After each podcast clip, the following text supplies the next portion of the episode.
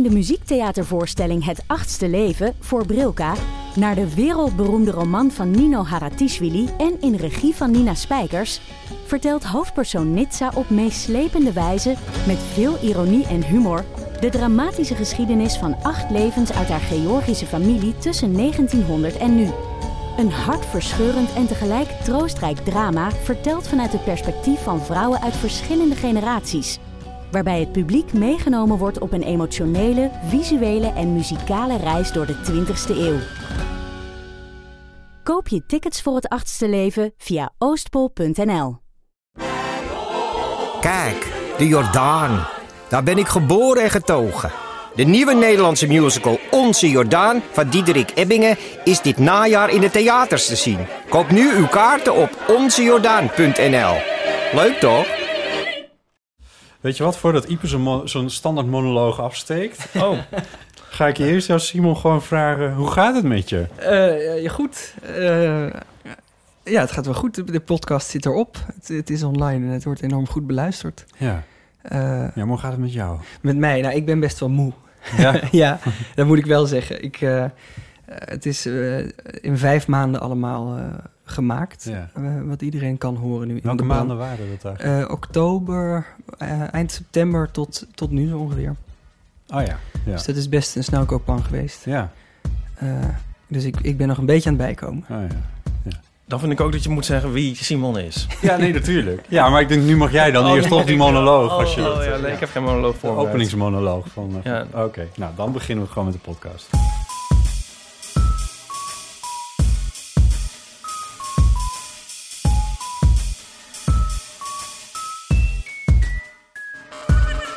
Welkom bij de Eeuw van de Amateur, aflevering 84. Met deze keer te gast Simon Heijmans, maker van de podcast De Brand in het Landhuis. Yes. Die al wekenlang stijf op nummer 1 staat in de iTunes eh Ongelooflijk, hitlijst. toch? Had je dat niet... eh, Nee, ik, ik had eigenlijk gedacht dat het wordt het in een soort niche eh, heel leuk ontvangen. ja. Maar dat het inderdaad zo de, de hitlijsten aanvoert, en zo, dat had ik echt niet gedacht. Nee? Nee. Weet je, kun je het dan nu wel beredeneren waardoor het... Nou, wat volgens mij gebeurt is dat heel veel mensen eh, tegen elkaar zeggen... je moet dat gaan luisteren. Ja, Ik, ik denk dat dat de grootste eh, factor is daarin. En we hebben wel natuurlijk eh, publiciteit gemaakt en laten weten dat we er waren. ja. Maar ik merk dat heel veel mensen zeggen... oh, ik heb het aan iedereen verteld. Eh, of mijn moeder is ook gaan luisteren en zo. Dat is Ja. precies wat Ipe Ja, ook, ook. aanwezig. Ja. Welkom. Oh wat ja, precies haar- wat Ipe heeft gedaan. Als jij dat nou even vertelt, dan ga ik even water pakken. Want dat had ik nog beloofd. Oh ja. Thanks. Eh, nee, ik weet niet meer waar ik nou het voor het eerst van hoorde. Maar ik dacht meteen van, oh, dat lijkt me nou helemaal iets voor mij en heel erg leuk. En ehm, ja, inderdaad, het gaat als een soort lopend vuurtje volgens mij. Want je zegt het tegen, tegen tien mensen en die eh, gaan het allemaal luisteren. En die zeggen het ook weer. Dus volgens mij heeft nu heel Nederland het eh, gehoord. ja, ja. Nou ja, jij had de, tegenwoordigheid vergeet om het ook nog in de Eeuw van de Amateur erover Ik heb- ja. te beginnen. ja, En zo is misschien dat zal, wel, dat zal wel de sleutel tot het succes zijn. waarschijnlijk. Zo bedoel ik het niet. Maar meer zo van... Je, je was er zo enthousiast over dat je het ook echt wel ging delen met... Ja, maar het is, eh, ja, het is ook een verhaal volgens mij dat heel veel mensen aan. Ja, het is op de een of andere manier, het is natuurlijk een tragisch verhaal, maar ook een soort romantisch en gewoon Ja, heel het, het, het heeft heel veel eh, eh, dingen van een spannend verhaal natuurlijk. Dus met een, met een kasteel wat afbrandt en met dan nog schilderijen en geld en zo. Dus het, het, het spreekt best wel tot de verbeelding, denk Ja. ik. En dat dat allemaal vrij recent is gebeurd in een tijd die wij ons herinneren. Ja, want ehm, eh, dat moet ik trouwens nog zeggen. Van, eh, na de eerste aflevering ging ik zo googlen, want ik had ook nog half het idee van het is gewoon. eh, eh, Fictie? fictie, ja. Gewoon heel erg goed in elkaar gezet. Bart begon er. Bart zei dat van de middag ook nog. Die, zag, Ja. die zei ook voor de eerste, de eerste aflevering dacht ik dat het fictie Ja, was. en toen ben ik Ja. ook... en- dan nog, de, want bij het Blair Witch Project of zo hadden ze ook allemaal nep-websites. Ja, zo, Dus pas je dacht nog... ja, dacht van, nou, dat is wel heel goed gedaan. Maar nee, uiteindelijk dacht ik van, oh ja, nee, het is echt het Ja. zo. Maar het, het, ehm, ja, misschien wil jij zelf heel kort schetsen ehm, waar het over gaat. Ja. Dat is misschien het makkelijkst. Nou, dus een brand en een landhuis. En dat is eigenlijk de kortste versie. Nee, eh, de brand in het landhuis. Nee, er is een verhaal wat ik al ken uit mijn jeugd. eh, over meneer Margraf. In Eh, Vught? In Vught. Ik kom daar uit de buurt. Ik ben opgegroeid in Brabant. En ik eh, hoorde altijd al over meneer Margraf. Die ehm, kwam met een geweer achter je aan als je op het land goed kwam. Eh, er waren allemaal spannende dingen waardoor dat een naam was die ik kende al. Ik heb het op Google Maps even opgezocht. Het is echt zo'n beetje, ja, het ligt een beetje in de oksel van twee snelwegen. Van de, de A67 en de... en, Op de feiten, en- yes. En, nou, nee, maar goed. En dan, maar je hebt dan, het, Vught is er zo'n beetje om dat, om dat hele groene deel he- heen gebouwd. Ja, dat, klopt. Dat, eh, Zionsburg. Dat is een heel oude plek ook al binnen Vught. Dus er, er zouden ook nog documenten van de Duitse ridderorde in dat huis gelegen moeten hebben. Ja. Eh, dat was al een plek. En het is een plek volgens mij tussen Den Bosch en Tilburg. Waardoor dat een soort knooppunt is en waardoor dat een vrij Ah, juist. eh, wilderige gemeente is geworden. Ja. Ehm, nou, daar woonde meneer Margraf op, eh op Sionsburg. Heb je hem ooit gezien trouwens? Nee. Ah. Nee, nee, maar ik, ik kende wel zo de verhalen, dat is het enige. Maar, en daar brak brand uit in 2003. Meneer Margraf werd daarna doodgevonden achter de voordeur. Dat was ook zo'n beeld wat in dat hele dorp heel Ja. helder voor de geest stond. Terwijl niemand dat echt gezien heeft natuurlijk. En eh, daarna kwamen er eigenlijk nog meer geruchten. Namelijk, er zou 160 miljoen zijn verdwenen. Een schilderijencollectie zijn verdwenen. eh, een gouden muntenschat zou er zijn verdwenen. Ik heb ook voor deze podcast het woord gouden muntenschat nog nooit gebruikt, maar nu ineens heel veel. Eh, en er zou eh, nog eh, die documenten van de Duitse ridderorde zouden na de brand zijn verdwenen. Het is eigenlijk best wel Bastiaan Adriaan-achtig eigenlijk. Weet je wel, toch? Ja. Maar dat jij, was ook- een beetje de Bastiaan Adriaan leeftijd toen, je, toen, je, toen dit allemaal gebeurde volgens Zeker, mij, ja. hè? Ik was, eh, hoe oud was ik? Eh, toen 12, dit- 13, 14. Ja, dat moet zo, ja. Zoiets, ja. Maar ken je die verhalen dan ook al over al dat geld? En, Ja, wel. En, en die, die gouden muntenschat kwam er eigenlijk zo... Vorig jaar kwam, kwam er nog zo'n verhaal. Er is ook een gouden muntenschat weg. En toen dacht ik, hoe komt het nou dat, dat dit verhaal steeds meer uitlopers krijgt... en dat er Ja. nog steeds meer versies van ontstaan? Ja. Dat is misschien de moeite waard om eh, een podcast aan te wijden. En wat was toen de stap? Want ik bedoel, dat kun je dan bedenken, maar... Ja, nou, ik, ik heb eh, toen... Ik had contact met, met eh, Radio 1 en NTR. Die wilden dat wel maken. Ja, hier? Eh, nee, nee, Ah. ehm, niet Jair.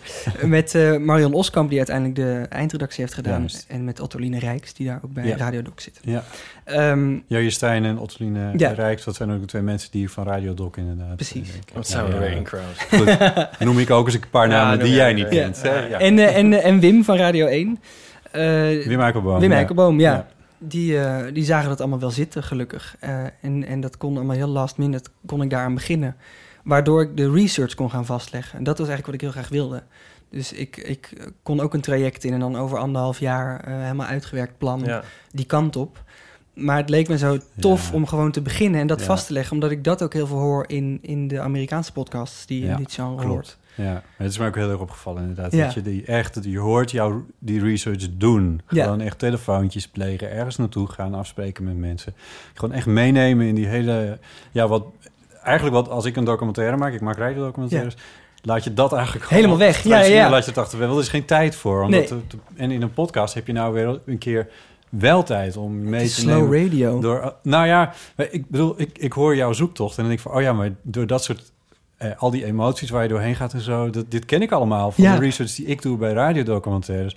Alleen er is nooit ruimte om dat te laten horen. te laten horen. En dit is nou zo fijn dat we het een keertje wel horen. Maar was dit, had jij al eens iets eerder zo gedaan, zeg maar, zo uitgezocht en daarin Nee, helemaal Nee. niet. Nee. Dus eh, ik had wel eens een podcast gemaakt. eh, daar gaan we het misschien zo Ja. over hebben. Ja, zeker. Ehm, en ik, ik ken het genre heel goed, omdat ik dat echt heel veel luister. Ja. Eh, en best wel vet vind. En daar zijn dan betere in en, en mindere. Ehm, maar ik vond dat heel leuk. En, en daardoor dacht ik, nou, ik, ik, wat ik wel kan is met mensen in gesprek gaan. Ik wist dat ik mensen kon interviewen. Eh, ik kon logisch nadenken. En ik kreeg Marion Oskamp erbij, die gewoon al heel lang in het vak zit. En dat journalistiek allemaal eh, eh, goed aanpakt. Ja, Dus ik heb daar heel veel hulp in gehad. Ik, ik heb niet zomaar, eh, ben niet zelf zomaar met mijn microfoontje pad gegaan. Nee. nee, dat hoorde ik ook wel. En toen de Dat, eerste ehm, uitkwam, zeg maar, toen was het ook nog niet afgerond. Nee, de- we hebben de eerste drie delen uitgebracht. Ja. Ehm, zodat je die al wel kon bingen. Ja. En dat je je aan dat verhaal kon binden en aan wat ik daarmee aan het doen was.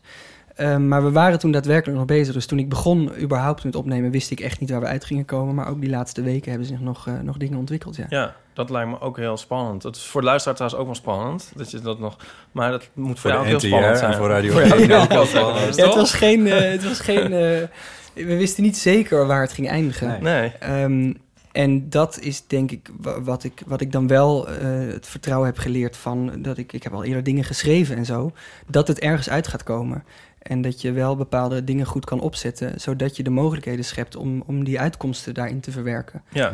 Ehm, maar ik heb daadwerkelijk nog de laatste, zeker de laatste twee afleveringen, echt meegemonteerd met wat er gebeurde. Ja. En Dat, toen, dat vertel je inderdaad ook. Ja. Ja. toen wist je Ja. al hoeveel mensen er mee luisterden, zal ik maar zeggen. Ja, maar dat is heel abstract. Ja, oh ja. Want, ja, ik, ik, ben, ik vind het spannender om voor 50 mensen in, eh, in een zaal te Ja? staan. Dan dat er, nou ja, toen, we- toen zaten we inmiddels geloof ik op de 100.000. Ja. Ja, fucking vet, maar ik heb geen idee wie dat zijn. Nee, Dus dat vond ik minder spannend. Nee. Eh, Dat zijn podcastluisteraars. Ja, Dat zijn mensen die heel erg betrokken zijn bij... zeker. En dat is superleuk, want ik kreeg heel veel reacties... Ja. ehm, waarin mensen ook zeggen hoe ze geluisterd hebben. Oh, dat ja. is volgens mij door hoe direct het communiceert. Dus ik Ja. krijg heel veel berichtjes met... ik heb het in het bos geluisterd. Of eh, Ja. ik, heb van, ik kreeg nu nog een, een mailtje vanmorgen die zei... eh, ik kon niet slapen gisteravond, toen begon ik aan aflevering 1. Ik heb gewoon de nacht overgeslagen. Ik ga nu naar mijn Dat werk. soort dingen, ja. Eh, dus mensen zijn heel betrokken bij, bij, eh, eh, bij die podcast, Ja. omdat het zo dichtbij is. Z- Zijn er ook al eh, toeristen gesignaleerd, zeg maar, die daar nu gaan rondlopen? Weet ik niet. Dat zou ik Vast wel wel. verwachten. Margraf Ja. Tours. Ja, nou ja, Google Maps in ieder geval. Daar ben ja, jij al. ja, ja, ja, ik- ja, ik ben een Google Map toerist. Dat is wel een beetje waar, ja. Zal ik nog even iets meer over jou vertellen? Dat is goed. Oh ja. Want dat weet natuurlijk ook niet iedereen. Want je bent eh, podcastmaker, dat weten we nu. Je bent ook schrijver en je bent acteur. Eh, je hebt de Amsterdamse toneelschool en kleinkunstacademie gedaan. Eh, je hebt voor televisie ook verschillende rollen gespeeld. Onder Allemaal gastrolletjes. gastrollen in Feuten, Flikker Maastricht. Zelfs in Goede Tijden, Slechte Tijden, Yes, yes. ik ergens. en, eh, en waar je net al even aan refereerde... was die eerdere podcastserie die je gemaakt hebt. Dat was een voorstelling, een theatervoorstelling. Ehm, voor Altijd Duurt een Jaar. Die is ook nog weer te luisteren. En dat heb jij, Ipe, toch ook gedaan, hè? Sorry, de podcast? Voor Altijd, ja, de podcast. Ja, we- ja. Ja. En nee, ja, ik dacht dat je daar nog iets over wilde zeggen. Oh ja, nee, daar wil ik ook van, van alles over vragen. Oh, maar ja. ehm, dan gaan misschien de dingen door elkaar. Oh ja, precies. Ja, nee, dat willen we hier absoluut niet nee, hebben. dat kunnen we niet, ja, want dit is zo Ja, gestructureerd. dit is zeer gestructureerd. Ehm, maar- en die voorstelling die gaat dit jaar in eh, reprise. Dus mensen kunnen jou in het theater weer opzoeken. Yes, dat Ben je kan. niet bang dat ze dan allemaal... Doe een stukje brand, Doe een stukje doe een stukje podcast. landhuis. Ja, dat zou veel. pretty awkward worden, denk ik. Ja. Als ik een soort live tournee met podcastteksten ging doen. Ja, wat- ja, ja. daar zou je wel een vorm voor moeten verzinnen dan. Dat bestaat nog niet, geloof ik. Ehm, wat zou ik hier nou over zeggen? Oh ja, nee, natuurlijk. Ja, dat, dat het brand in het landhuis dan ook nog eh, tenslotte... eh, maar dat heb je net allemaal verteld bij Radio 1 en de NTR eh, hebt gemaakt. Yes. En ja, dit, dit staat dan nu een tijdje op één. Eh, dus hier heb je succes mee. Eh, wat merk je er allemaal van? Behalve die mailtjes die binnenkomen. Eh, zijn er mensen die jou bellen van... kom op ons podcastfestival? Of kom, Ja, dat gebeurt wel. Eh, ja. en kom in de eeuw van amateur. Kom van de Eh, amateur, ja. dat soort gekke Ja, dingen. dan zeg ik ja. Ja. en eh, eh, ja, dat gebeurt wel. Mm, eh, Het is superleuk dat het zo goed beluisterd is. En, en, en dat, dat is een hele eer. Het is ook grappig aan dat soort dingen dat dat zo... ehm, als je daar van tevoren over fantaseert dat je op, op één komt in de hitlijst... dan denk je, wow, dan ben ik de hele dag gelukkig. maar, maar- ja, nou ja, ik ben ook heel, heel gelukkig. Maar het is ook, dat is ook iets geks dat dat ook maar weer een moment of zo is. Ja, Dus eh, ik voel me niet de hele dag op één staan, maar ik vind het wel echt superleuk Ja. dat dat zo is. ja. En word je al je, van je stem herkend? Botte wordt wel eens van zijn stem herkend. Heel Nou, ik, heb, ik ging, eh, wanneer was dit? Drie dagen geleden uit eten. ja. En toen zei iemand, maar ik weet niet of, of die mij nou gewoon herkende en wist dat ik die podcast had gemaakt. Of dat het was omdat ik zei, mag ik een San Pellegrino citroen? en, eh, toen zei zij, ik heb het hele weekend naar jouw stem geluisterd. En daarna was het ook klaar, het gesprek. Oh, oké. Oh, nou ja, dat Dus- ging lekker snel. ja. ja, dat scheelt weer.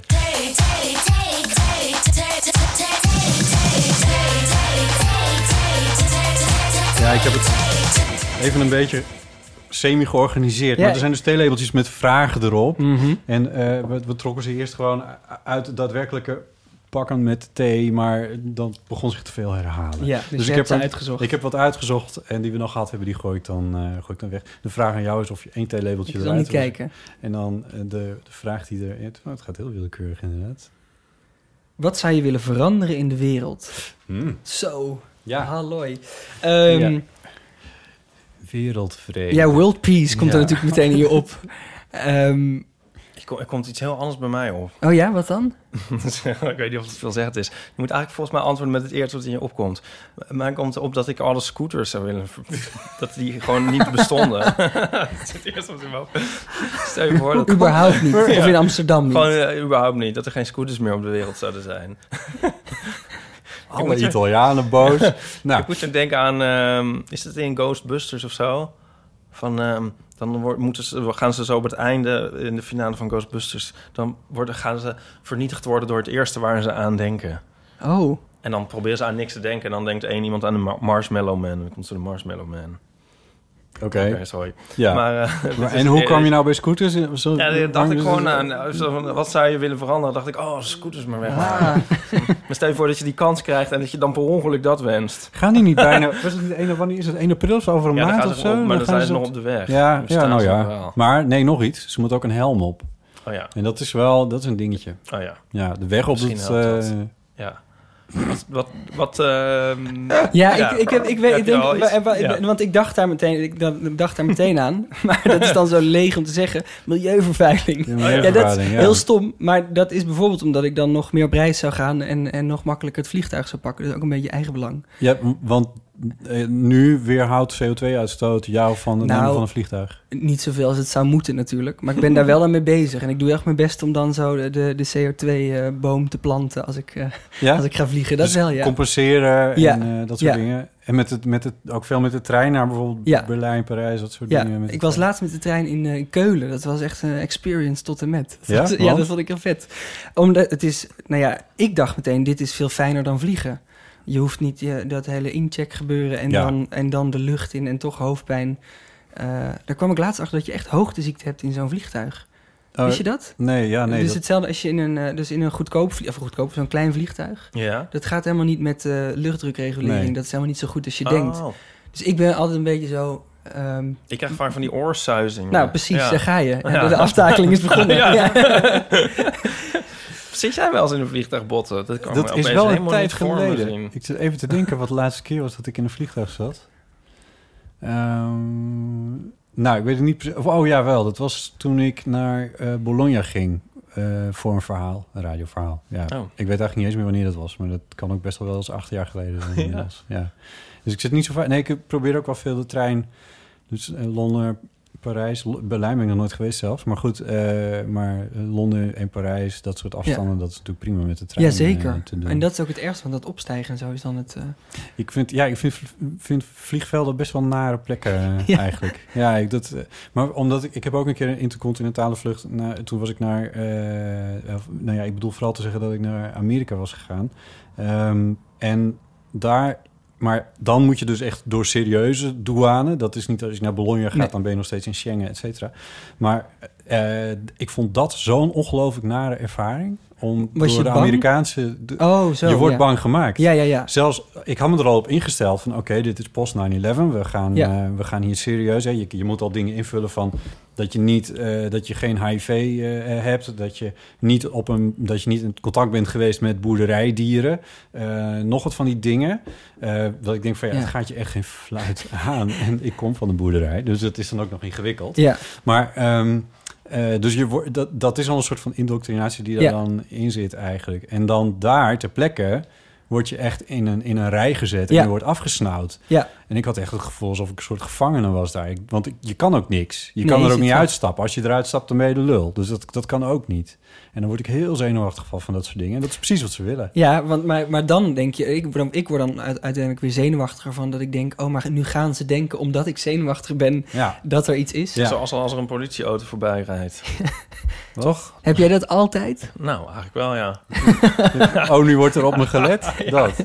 Oh nee. Nee? Ja. Nee. Nou Oh. ja. Nou, Nou, je fiets misschien net iets netter, maar dat ja. Nee, Ja. maar...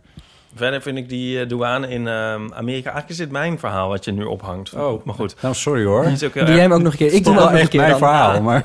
Ik moet ook een beetje denken aan ontgroening bij een eh, studentenvereniging. Oh ja, dat is en ehm, de, de zaak is om niet eh, op geen enkele manier op te vallen. En ook niet te slijmen, maar gewoon om een heel... eh, dan Ja. gaat het het beste. Maar het is inderdaad Beetje zoals het hele leven. Ja.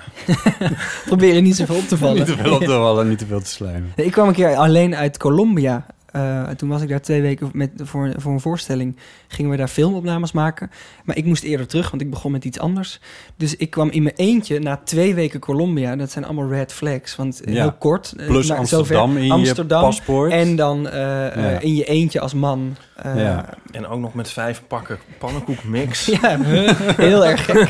Maar dat was dus echt, ik werd van tevoren al ge- gecheckt. Dus toen ik ging, werd ik als enige, toen ik wel met die groep ging, eruit gepikt. Ja. Werd mijn tas gecontroleerd en werd er bijvoorbeeld gevraagd: heb je je tas onlangs gerepareerd? Waar ik nog heel erg van in de war was, Ja, want die ja. was wel een beetje kapot. Ja. Dus ik dacht eerst, had ik hem moeten repareren? Hoe werkt dit? En Mhm. toen ging ik terug, toen wisten ze ook weer, je bent in je eentje twee weken Colombia geweest. En toen was het ook eh, een heel raar gesprek, wat jij ook net zo, ze maken je zenuwachtig. En toen, dat gesprek was ook op, opeens klaar. Dus er was niet een soort punt dat ik het goed gedaan had, maar toen was het gewoon ja. tijd op Je wordt ook niet op. beloond nee. of zo. Nee, het was niet zo van, yes, gewoon, nou loop maar door. Ja, oh god. ja. Ik stond bij... ach, dat is heel triviaal ineens, maar goed. Bij mijn Albert Heijn hebben ze van die daar ook zelfscan eh, kassa's. Kassa's, dus niet eh, de scannetjes, maar de kassa's. En ja, maar dan word je er ook uitgepikt. ik weet niet op basis van wat. Maar dat gebeurde dus vanmiddag. En, ehm, en, dan, en dan denk je, oh nee, dit gaat niet goed. Want dan moet je pinnen en dat loopt dan vast en alles. En, dan, en, dan, en ik had mijn tas ingepakt en dat is echt een soort Tetris. En dat past op één manier. En dan moeten er vijf producten uit. Ja, voor de en die moeten steekproef. dan scannen. En dat is dan goed. En dan moeten die er weer in.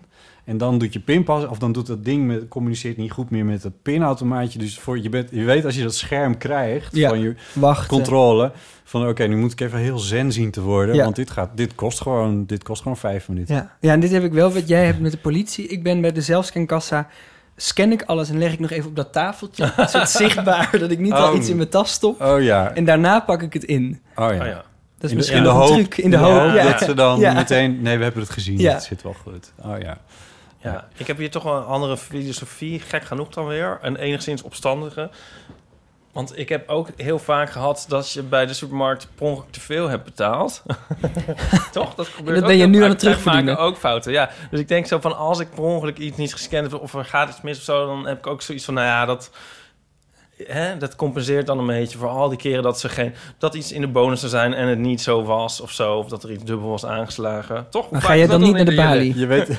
Ga je niet naar de balie als het wel een bonus was? Nee, nou, meestal kom je er dan een soort thuis achter... en dan denk je van, moet ik nou terug en zo? Ja. En dat ga je dan niet doen. Of het is heel druk. Nee, dus Ja. ga... Ja. Dus je praat het voor jezelf goed dat je gestolen hebt van de Albert Heijn. ja. Ja, oké. ja. Oh god. Ehm, Oké, dus wat ik zou willen veranderen aan de wereld eh, zijn de zelfscankassen. Yes, zelfscankassa's. Politie die Oh, langs ja. rijdt. Scooters, scooters. En het milieu. En milieu. Ja. Ja. ik vind het milieu, daar sluit ik me dan toch eigenlijk uiteindelijk maar Ja. gewoon bij aan. Dat zou wel, ik denk dat dat wel veel zou oplossen. Als er, eh, als er bijvoorbeeld kernfusie zou zijn uitgevonden dat werkt om energie op te wekken. Ja. Kern- we, we, we kennen nu kernsplitsing. Ja. En, en dat levert veel, veel Afval. eh, eh, ja, eh, radioactief afval zelfs op. Maar bij kernfusie ontstaat geen afval en wel heel veel energie. In theorie, want dit, In theorie, dit want bestaat dit dus bestaat nog, nog niet. Ah. Ze zijn, ze zijn ermee bezig. Maar ze moeten jou eens bellen dan. Over een paar decennia, decennia dat, het ook wel, dat het wel ongeveer zou kunnen gaan bestaan. Maar het is, daarom worden dus in, in Zwitserland die... Nou, ik dwaal enorm af. Ik vind dit soort dingen enorm interessant. Want ik Ja. denk altijd van, als ze dat uitvinden... dan is er ineens heel veel energie beschikbaar. Ja. En hoeven we, dan, dan is het dus ook niet meer een probleem... dat alle auto's elektrisch moeten worden... en dat we dan niet meer... Die windmolens en zo hebben we dan ook niet meer per se nodig. En, eh, Vind je die rot, die windmolens? Nee, maar het, het is gewoon niet voldoende. Hm. Je zou zoveel windmolens moeten plaatsen. Als je, en iedereen wil alleen maar meer energie. Het worden Ja. alleen maar meer dingen elektrisch.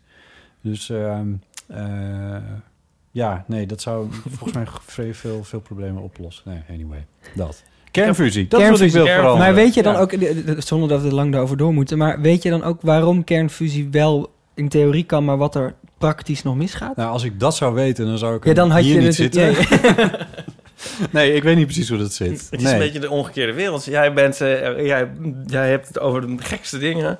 En ik denk alleen maar, ik wil nog iets vragen over de brand in het landhuis.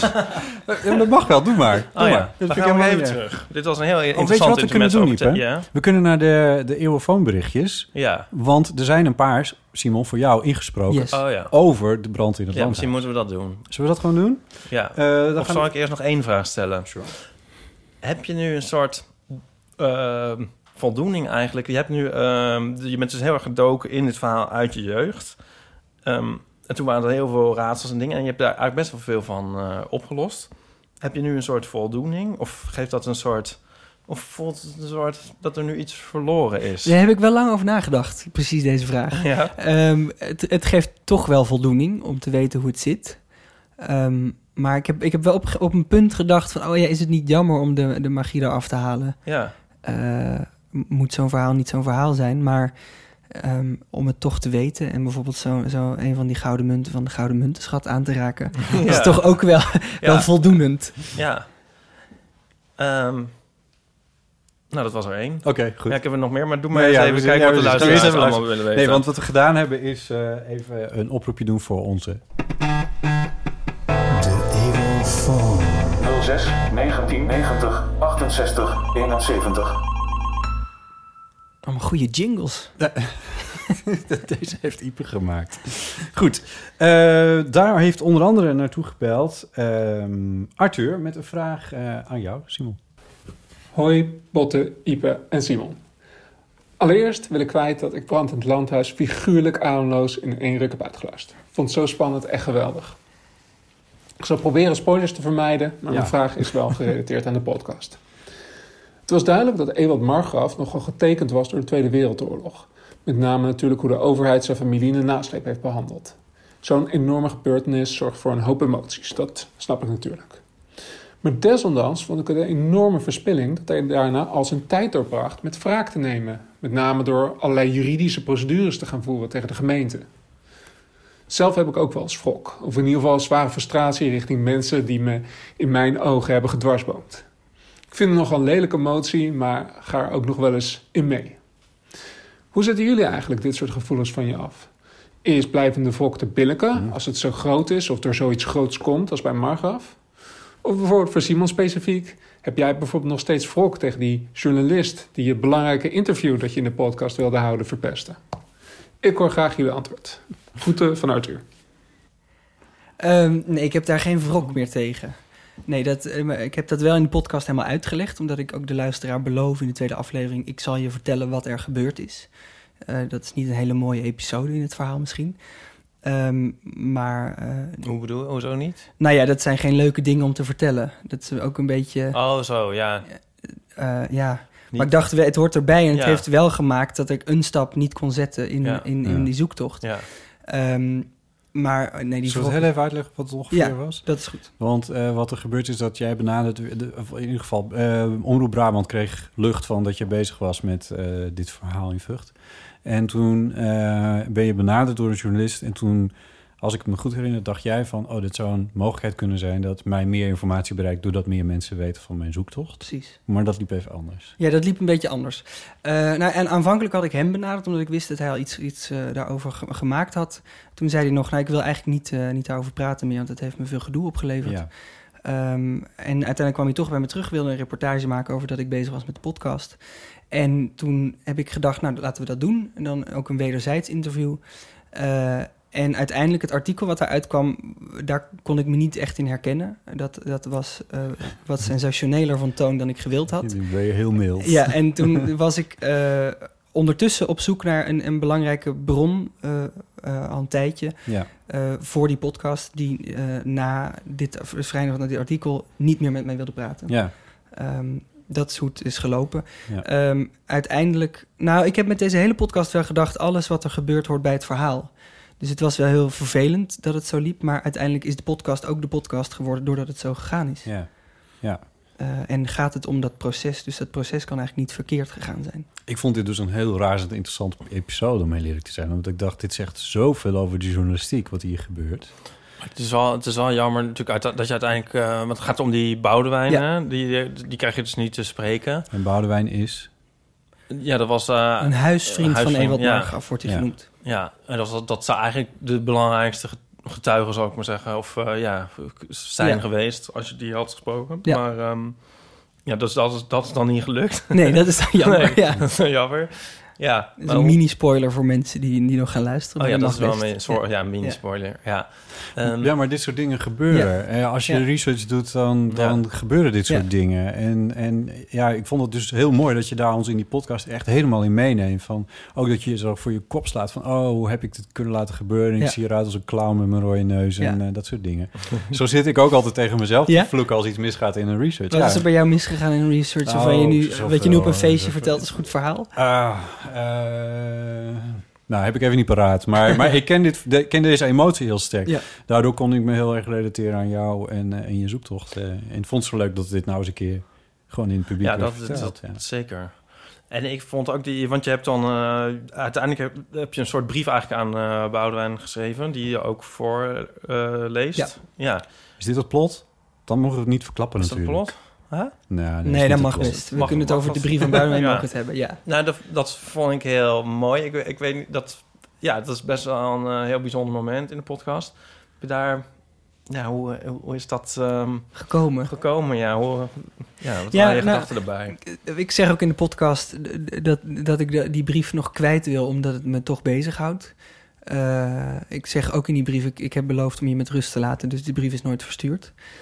Ehm, en dat was wel een oprechte eh, eh, brief waarin ik hem ook zeg, ik, ik had het echt rustig met je aan willen pakken, maar eigenlijk door naar je te zoeken, Ja, heb ik eigenlijk ook kunnen vinden wat je me verteld had. Eh, dus misschien. Je geeft hem gelijk. Ja, ik geef Ja. hem echt enorm gelijk.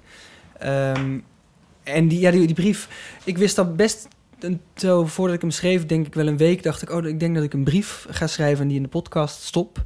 Eh, wat misschien ook weer een vrij theatrale ingreep is. Dat is weer een, een verhalend element. Ehm, maar ik moet wel zeggen, heel veel van de voice-overs moest ik best vaak overdoen of dacht ik nog even anders. Deze brief heb ik geschreven in eh, een uur. Dat, ik wist eigenlijk zo goed wat daarin moest. En ik heb hem in één keer ingesproken en, en dat is wat je hoort. ja. En ik dacht nog bij één zinnetje, oh, moet ik dat aanpassen? En toen dacht ik, ja, nee, dit is, dit is eigenlijk gewoon hoe, hoe het het eerlijkst naar Ja, buiten komt. Ja. Ja. En je, en je weet natuurlijk niet of hij dat dan heeft gehoord. Nee, Nee, dat weet ik niet. Nee. Nee. Je hebt ook niet nog weer iets van Nee. hem gehoord Nee. sinds de podcast is verschenen. Nee. Oh, oké. Maar hetzelfde geldt ook een beetje wat je zegt over die Boudewijn, ook een beetje wel over Margraf. Uiteindelijk heb je ehm, ehm, het beeld kantelt ook wel een beetje van hem natuurlijk. En eh, dat vind ik ook wel fraai aan het hele verhaal. In het begin is het echt nog een zonderling. Ja. En uiteindelijk wordt het veel meer een mens van eh, vlees en bloed. Ja. Ja. Ja, dat is wel door, doordat je eh, ook. Ik, ik heb heel veel mensen gesproken over hem, want hij is er natuurlijk niet meer. Eh, iemand is niet alleen maar boos. Nee. Meestal. Als dat wel zo is, moet je er heel ver uit de buurt blijven. Maar Ja. meestal is iemand niet alleen maar boos. Dus er zijn ook een aantal verhalen in die podcast van mensen die zeggen: Oh ja, maar ik ben gewoon eens aan gaan bellen. En ik heb gezegd: Nou moet je gewoon even luisteren. Eh, ik, ik ben benieuwd naar je huis. Of ik ben benieuwd naar dat ene bos wat van jou is. Mag ik daar eens gaan kijken? En dan was het ook iemand die, die helemaal open ging van die natuur. En, eh, Ja. Ja. Want, eh, want dat, wat dat betreft, je hebt eigenlijk de, eh, dan kunnen we misschien aansluiten bij die andere podcast in je theatervoorstelling. Want in, in je andere podcast ehm heet het moeite met voor altijd duurt een jaar. ja. Eh, dan ga je op zoek naar verhalen over de liefde van mensen. Want eh, in, bij de brand in het landhuis heb je eigenlijk een soort ehm, de, de, de crime, zeg maar, de suspense. En je hebt het menselijke verhaal. En in ehm, eh, voor altijd duurt een jaar heb je dus vooral het menselijke. Ehm, wat, wat zou je eigenlijk dan hierna weer willen doen? Vind je die, dat, zeg maar, die misdaad, vind je dat heel erg interessant? Of vind je het menselijke aspect ook wel... eh, Ik denk dat het bij mij altijd gaat om het menselijke aspect. ja, Eh, en dat, dat true crime gebeuren kwam hier een beetje bij. Eh nou, daar doe ik het misschien te kort mee, maar en dat wist ik wel dat, dat ik een onderzoek ging doen. Maar het gaat mij eigenlijk altijd om, om de mens en zijn emoties. Ja. En, en daar ben ik wel heel druk mee altijd. Ook bij mezelf. ja. Je bent dan niet op zoek naar de volgende... ehm, Nee, ik weet het nog niet zo goed. Ik ben echt nog, ik moet nog even Thriller, zeg maar. unwinden voordat ik dat weer vooruit kan kijken, ik denk ook. ik. Ja. Ja. Ja, dus, maar dit zal altijd met iets menselijks zijn. Ja. Grappig, want, eh, want denk je dat het... ehm, ik denk wel dat, we- dat eh, de, eh, zeg maar het sensationele natuurlijk van dit verhaal... het in eerste instantie is wat mensen naar het landhuis trekt. Ja. Waarschijnlijk, maar waarschijnlijk is het menselijke... waardoor mensen ook blijven eh, hangen. Ja, dat, dat, dat, hoop ik wel. Of dat je in ieder geval mee wil in wat ik, eh, eh, wat we dan nu die, die zoektocht, die re- research noemen. Dat je, dat vind ik heel leuk dat het gelukt is dat het een, een true crime spannende serie is. Maar dat ik ondertussen ook vrij poëtische dingen kan doen, Ja. zoals die brief of, of een aantal andere dingen. Ja, dat maar bijna verandert de, de, de, de, de initiële antagonist verandert bijna in een protagonist. Ja. En het is een enorme kanteling. En dat krijg je, dat, dat, ja, dat is best wel knap. Ik bedoel, het, het, het is, misschien heb je het intuïtief gedaan, maar ehm, eh, je bent hem gaan leren kennen. Je hebt gewoon onderzoek gedaan naar wie was die man. Ja. En eh, het, er stond bekend als die, die man die met een jachtgeweer achter je aankwam als je op zijn landgoed kwam. En aan het eind is het gewoon iemand die in een vreselijke situatie terecht is gekomen. En in een nog vreselijke situatie terecht is gekomen. En, die, en op het laatst kreeg ik gewoon, tenminste ik als luisteraar kreeg medelijden met, Ja. eh, met hem. Ja. Eh, dat had ik van tevoren niet verwacht, dat ik, Ik dat ook zou niet. krijgen. Ik wist dat echt niet. Nee, nee. Nee, maar dat is ook een, een, een, echt een ontwikkeling die, eh, die gedurende die, eh, die serie eh, plaatsvindt natuurlijk. Ja. Oh ja, wrok. Dat was de vraag. Wrok was de vraag, ja, inderdaad. Ja, we die beantwoord? Dat weet ik eigenlijk niet. ja. hè, want, eh, want Margraf die, eh, die, die bindt, dankjewel, die bindt de strijd aan met, eh, met de gemeente. eh, op, op verschillende, dat het zal wel over vergunningen en dat soort dingen gaan. Of, hij zat ook nog in de gemeenteraad, hè? Ook nog. Nee, dat was zijn vader. Oh, dat was zijn vader. Ja. Oké, ja. En zijn opa is burgemeester geweest, zijn oud-oom. Oh ja. Ondertussen een roze koek. Ja, we zullen- ja ik, dacht, ik, ik dacht, ik koop een keer roze koeken, want Ja, die maken geen, Ja. geen smaklawaai, of hoe heet dat, breeklawaai als je ze... ja, ja, ah, fijn. Nou, goed, Ehm, we zullen zien hoe goed dit Ik weer zal, werkt. ik, als jullie aan het woord zijn, zal ik mijn roze koek eten. Ehm, waar, ging, waar gingen we naartoe? Nou, dat hij eh, eh, de, de strijd zocht met de gemeente en zo. Ja. Ja, het was dus vraag hoe we gewoon- hoe, ook hoe hij dan omgaat met wrok of hoe je dan Ja. maar- Ja. ja, hij heeft gewoon eh, een, nare ervaring gehad met die gemeente... toen zijn vader gevangen werd genomen na de Ja. oorlog. Ja. Toen probeerde op datzelfde moment de gemeente eh, land van hem af te pakken. Het was een jurist, dus hij heeft dat meteen aangevochten... en is dat eigenlijk altijd blijven doen. ja, aanvechten. Dat aanvechten. Dus Ja. hij had heel veel land. Eh, dus als de gemeente Vught de snelweg wilde uitbreiden... dan moest je over zijn land. En hij zei altijd nee. Ja, Dus het werd altijd procedure, procedure. juist. En hij was vrij rijk, dus hij kon dat doen. En hij was zelf jurist. En hij, eh, uit de verhalen die ik dan van Boudewijn via via heb gehoord... eh, had Margaf er ook wel genoegen in om daar zo leuk mogelijke processen van te maken. Ja, ja, ja. Oh, oké. Ja. ja, ja, dat Ja, dus kan je wrok ook koesteren. Ja, precies. ja, ja, ja. Nou, grappig. Ehm, zullen we naar Loes? Want eh, die heeft ook een berichtje ingesproken voor ons. Hoi allemaal en vooral Simon. Ehm, met Loes. Ehm, ik had een, eh, een vraag naar aanleiding van jouw eh, fantastische podcast. Eh, je hebt het aan het begin over dat je vroeger vrucht zei en eh, nu vrucht.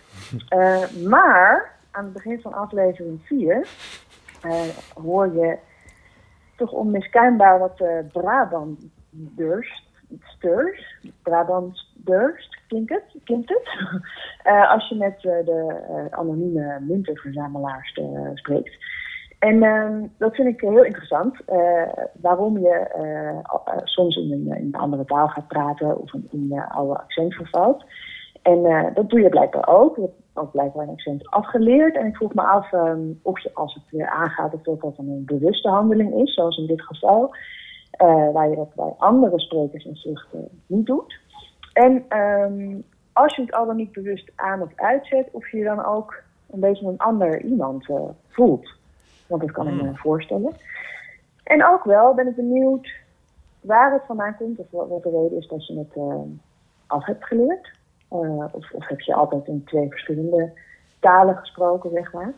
Nou, is misschien, eh, en volgens mij iets waar Botte ook eh, mee te maken heeft gehad, vanuit het Fries en een eh, oorspronkelijke spraak, als ik me niet vergis. Dus misschien eh willen jullie daar iets over vertellen. Nou, veel groetjes van Loes. Dag! Dankjewel, Loes. Ja, Simon. Ja, nou, ik heb... Ik heb Hoe zit het met je Brabants? Ja, met mijn Brabants. Ik heb de toneelschool gedaan. Ja, eh, en daar heb ik mijn accent afgeleerd. Want ik, leer, de- hoe heet dat? Eh, het Brabants. Dus nee, ja, maar ik bedoel... eh, de, de- Spraaklessen heb ik spraaklessen, Ja. ja. En dat, dat had, had, eh, vind ik de goede reden. Dat als je een acteur ziet, dat je eerst een soort neutraal wil zien. Ehm, dus als ik eh, eh, Lang canvas. een blank canvas... Nou ja, maar het, het werkt wel zo dat, dat, dat alles op het toneel is een keuze. Dus alles is gekozen. Dus als ik als enige van, van alle acteurs Brabant zou spreken, denk je, oh, ik moet vast iets denken Daar dat die iets- man ja. eh, uit Ja. de provincie komt. Of, dus, dus dat wil je allemaal naar elkaar toe trekken. Zodat je later kan gaan kiezen, oh, ik wil nu een Fries in het stuk, want dat betekent iets. Ja. Ehm, daarom heb ik het afgeleerd op, op de spraakles op de toneelschool. Eh, voor, voor de kerst kon ik dat al eh, zo. en er was echt een mo- moment dat ik ehm, ook in mijn gedachten met een harde G ging denken. Ja. En dromen en de ondertiteling lezen. Hoor je, dat, hoor je ondertiteling in je hoofd of niet? Nou ja, zo, zo ongeveer. Ik, nee, ik hoor dat dan een beetje. En dan, eh, dat was ineens echt met een harde G. Ja, Ehm, maar, inderdaad, je hoort mij in aflevering 4. Dat is iemand die ik ook van heel vroeger al ken. Iemand die ontzettend Brabants is. Ehm, die, die ook nog meer dialect dan accent praat. Hm. Eh, en soms is de lokroep zo sterk dat ik, dat ik dan even terugschiet. Maar dat, is, dat, dat gebeurt onderbewust. dat is niet bewust. Nee, Nee.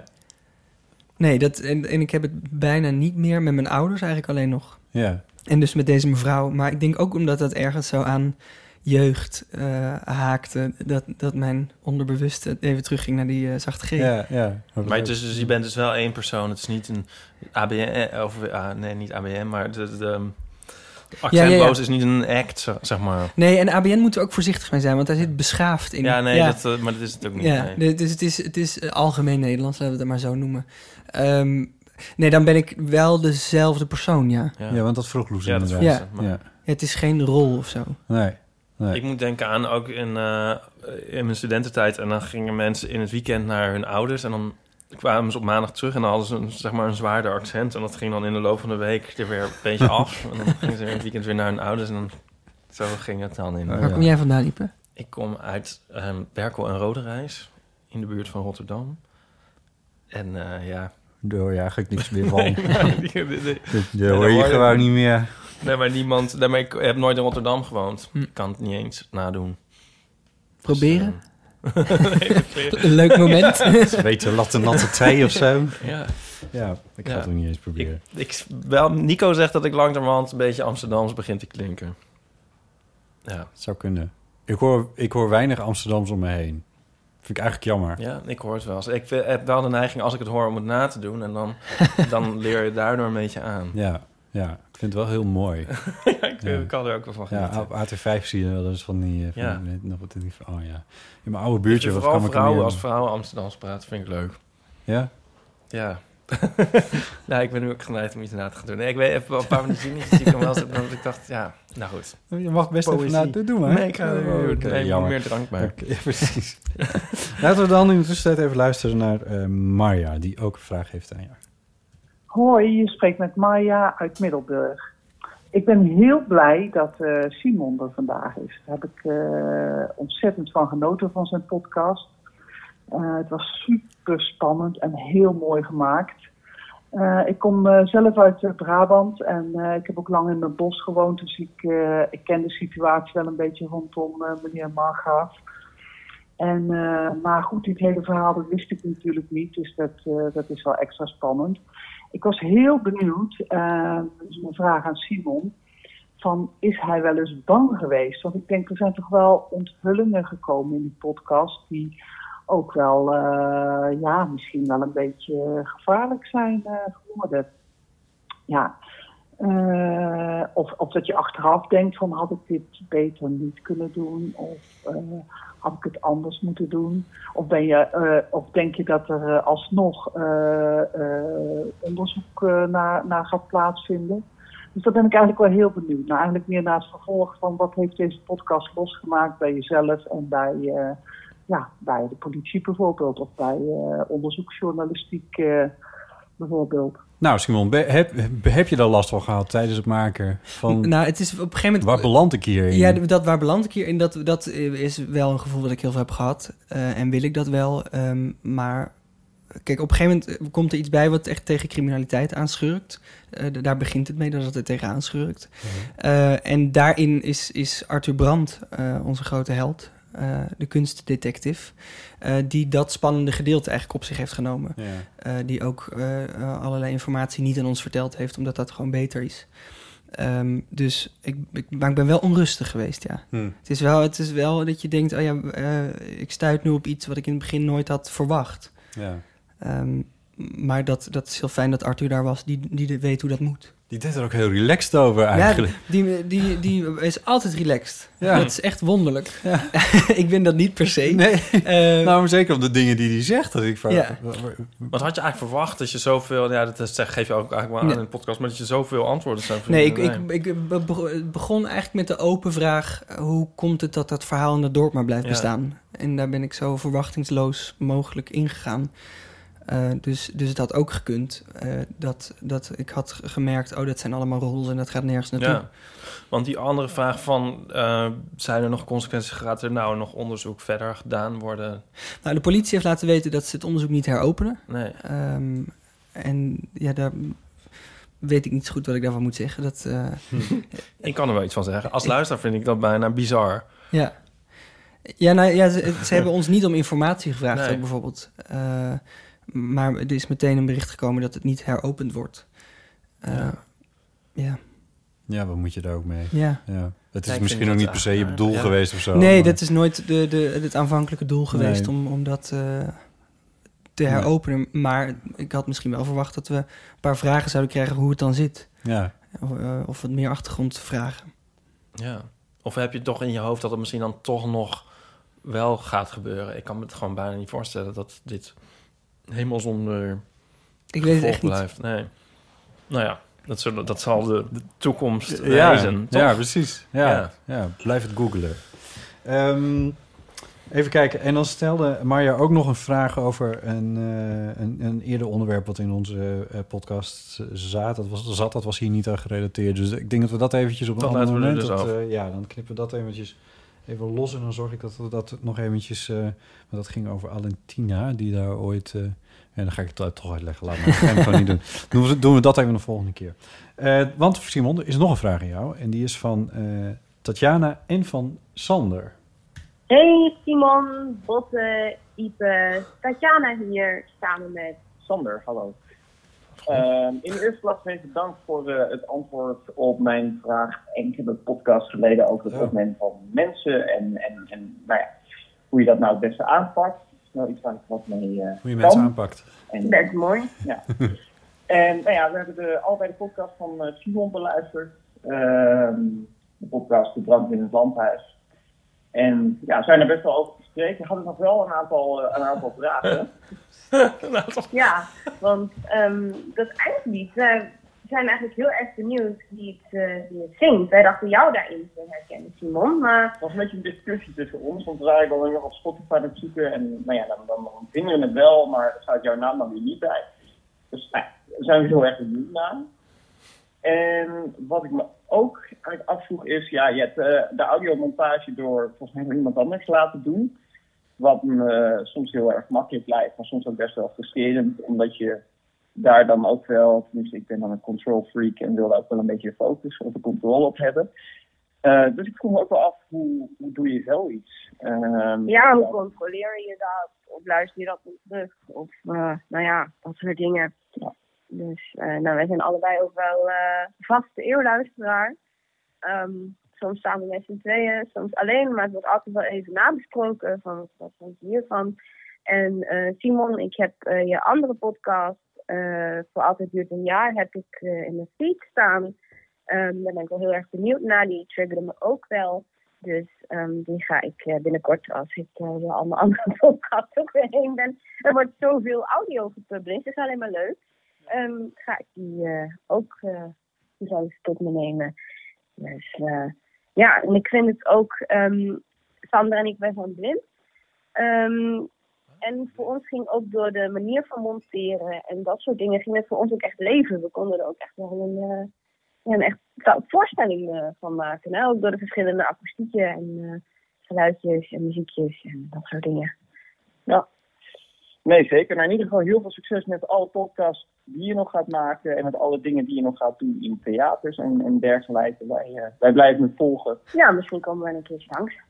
Who knows? Ja, dus uh, heel veel succes met uh, deze eeuw, het centennium.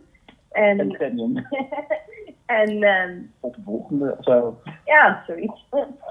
ja, Ja, als de, de, ze- de gezelligste inspreker Ja, die, eh, die we hebben gehad. Ehm, dus ze ze snijden een paar dingen aan. Ja. Maar eh, ik, het viel mij op dat in jouw aftiteling... dat je het hebt over de mixage die is gedaan door iemand. Ja, de montage heb ik zelf gedaan. Ah, kijk. Ja. Dat heb ik me, me aangeleerd. Hmm. Ehm, dat is inderdaad een, eh, een pittig klusje. Ja.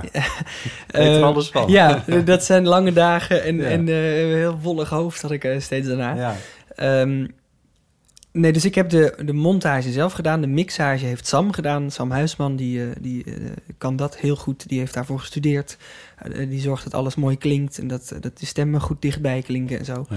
Ehm, Misschien moeten we toch een beetje uitleggen wat het verschil is Ja. tussen die twee. nou, montage is... Ik, ik heb uit alle interviews de stukjes geknipt die ik nodig had... en dat goed achter elkaar gezet. En de voice-overs geschreven, die opgenomen, daar weer bij. Dus de hele lijn, het verhaal, Ja. dat heb ik gemaakt. Ja. Eh, en dan breng ik dat naar Sam... eh, met een, een, heel eh, converteergebeuren... en Ja, dat dat in zijn computer Ja, komt. Ja. En dan... ehm, eh, gaat hij zorgen, de, eh, de, dus hoe het klinkt. Dus het materiaal wat ik heb eh, gemaakt, eh, gaat hij zorgen dat dat mooi, helder, duidelijk eh, klinkt. Ja, ja. Dus hij doet nog wat nabewerking, op het nabewerking, geluid. Zorgt dat de verhouding tussen de stem en de muziek klopt. En achtergrondgeluid en stem. en dat Precies, soort dat, dingen. is echt, eh, echt rocket science. Dat is echt heel leuk om Ja, bij te zitten. Ja, ja. met dat plugins. zelf? of. Koude Ja, kernfusie ik, is ik, moet het. ik doe het zelf, ja. ja, Jeetje. ja, ja. Maar het is wel... Het is wel Ik doe het voor mijn andere podcast ook zelf. Maar ik, sinds ik Sam bezig heb gezien, voel ik me echt een amateur. Ja, weet je, dat is, dat is dus wel grappig. Want het begin, begon met podcasting in ieder geval wel zo van... eh, nou ja, pak een telefoon en je kan een podcast maken. Dat, dat stadium zijn we een beetje voorbij. Eh, net zoals YouTubers ook in de volgende fase zitten... en mooie lenzen kopen en mooie camera's en dat soort dingen. Ehm, zo bij podcasting eh, zijn de microfoons ook wat chiquer geworden, zal ik maar zeggen. Maar ik merk ook dat ik moet dat ik een beetje in mijn geluid ook probeer te concurreren met, eh, ja, met wat bij de radio al lang gebruikelijk is Ja. en zo. En nou, dat is ook wel verdiepings... Dat is wel even, ja, dat is wel eens een strijdje. Ja, Ja, dat, dat is ook echt ik. een paar keer misgegaan. Maar nu inmiddels heb ik wel een beetje voor deze... Ik denk dat ik voor de heel van amateur een beetje in de vingers heb. Ja. Maar eh, ja, nee, het is best wel pittig. Ja. Zeker, en ja. mensen die daarvoor gestudeerd hebben, die kunnen nog zoveel meer daaruit Ja. halen. Dat is echt waanzinnig. Ik kijk wel eens, ja, dat, is, dat is altijd, vind ik heerlijk op om- van die YouTube-filmpjes. Over ja, en als je deze plugin dan hebt, of je route dan eventjes je stemmen zo, en dan, en dan via een busje, en dan zet je daar eventjes eh, op 400 hertz een dipje, en dan, ah, weet je wel, dat soort dingen. Ja. En dan denk ik, oh mijn god, dat kan ik echt nooit, Nee. dat, dit is te veel. Maar ik begrijp wel dat, het, dat mensen die dat wel kunnen, dat die, dat, hè, waardoor dingen zo goed klinken als ze klinken. Ja. Dat is wel die magic die... die Zeker, de, de, de ruwe versie die ik dan aanlever met wat Sam er uiteindelijk van maakt, is, een, Ja. eh, is echt een groot verschil. Ja, ja. Dat is echt gek. Ja. En elke seconde is ook nog door hem handmatig onder handen genomen. Dus er is ge- geen blokje waar hij zegt... oh, deze vijf minuten klinken zo en we gaan door. Ja, dat is allemaal heel minutieus gebeurd. Dat, Ja. dat eh, vind ik echt heel leuk. Als iemand zo'n ambacht kan. Een Nou. ambacht met een computer toevallig nu... maar wel echt zo handwerk. Ja, maar dat, dat heb ik ook wel gehoord in, eh, in, in eh, de brand in het landhuis. Want ik, ik hoorde gewoon een, een, een hoge pro- production value, zullen we maar zeggen. Ik hoorde gewoon het ge- dat het ge- geluidstechnisch gewoon voor elkaar was allemaal. Dat het gewoon goed was. Fijn. Ja, ook dat heb ik allemaal moeten leren. Hoe ik dat op moest nemen en hoe ik dat ging doen. Ja, want opname is nog weer een andere stap inderdaad, die er nog weer voor zit. Ja. ja. En dat is het Ja. leuke aan podcast en, en ook ingewikkeld... dat je echt in je, in je eentje meestal... er gaat niet een geluidsman mee die dat allemaal mooi Nee. gaat opnemen. Nee. Terwijl ik dat interview doe, ben ik ook bezig met de instellingen van de microfoon en zo. Ja, ja, en dat is een voordeel en een nadeel. Precies, ja. Ja. dat maakt je wel heel wendbaar. Ja, ja precies. Ja. Zij vroeg ook nog naar het liedje. Ja, ja. Nou, dat is het nummer Places van Amir Vahidi. En Amir, die is componist en die heeft alle muziek voor de serie gemaakt. Eh, en dat, dat lied, dat was een, echt een verrassing. Eh, want ik had hem niet gevraagd, wil je ook nog een eindlied componeren? Maar hij kwam ineens met dit eindlied. Ja. Nou, een lied cadeau krijgen is een van de leukste Hm. dingen die Maar- je maar kunt verzinnen. Lag het aan mijn computer of stopt het gewoon in één keer? Oh, dat lag aan jouw computer Oh, dan. oké. Hoop ik. Ja, dat Oh, hoop ik wil ook een eindlied. Waarom hebben we een eindlied? Ja, nee, ja, ja. Hij moet ook een eindlied. Ja, dat is goed. Maak het maar. Ja, even over nadenken. Dus eh, Amir Wahidi, en heeft hij, heeft hij het ook nog Kunnen we meer van hem horen als je Nou, de- Spotify of zo? eh, hij heeft dit lied nu op Spotify geplaatst. Eh, Ah. Daar ben ik al heel blij mee. Maar hij is eigenlijk ook theatercomponist. Maar als we nu zoeken in Spotify op Brand in het Landhuis, komen we dan ook bij... Nee, dan kom je bij... Dat Als moet je op. Amir... Zeg het ja, even tegen dat zal ik eens even zeggen. ja. Bij Tagged. Ja. Ja, dat is goed. Anders tot die tijd Amir Vahidi Ja. Places. Ja, oh mooi. Ja. Ja. Dit is een moment voor onze sponsor, HelloFresh. Mede dankzij HelloFresh kan de Eeuw van de Amateur wekelijks worden gemaakt. HelloFresh is een maaltijdbox. Je kiest zelf minimaal drie lekkere recepten uit en krijgt alle ingrediënten die je nodig hebt bij je thuis bezorgd. Via de app op je telefoon en via de website kun je heel gemakkelijk kiezen uit 13 verschillende recepten. En je kan ook via de app op je telefoon gemakkelijk je bezorgingen bijhouden en managen. Het is tijd voor Ipe en mij om er de keuken eens mee in te gaan. En dat is wat wij onlangs hebben gedaan. Potten. Ja, Ipe. Vandaag gaan wij maken rigatoni schotel. Oké. Ja. Gegarneerd met feta en pijnboompitten.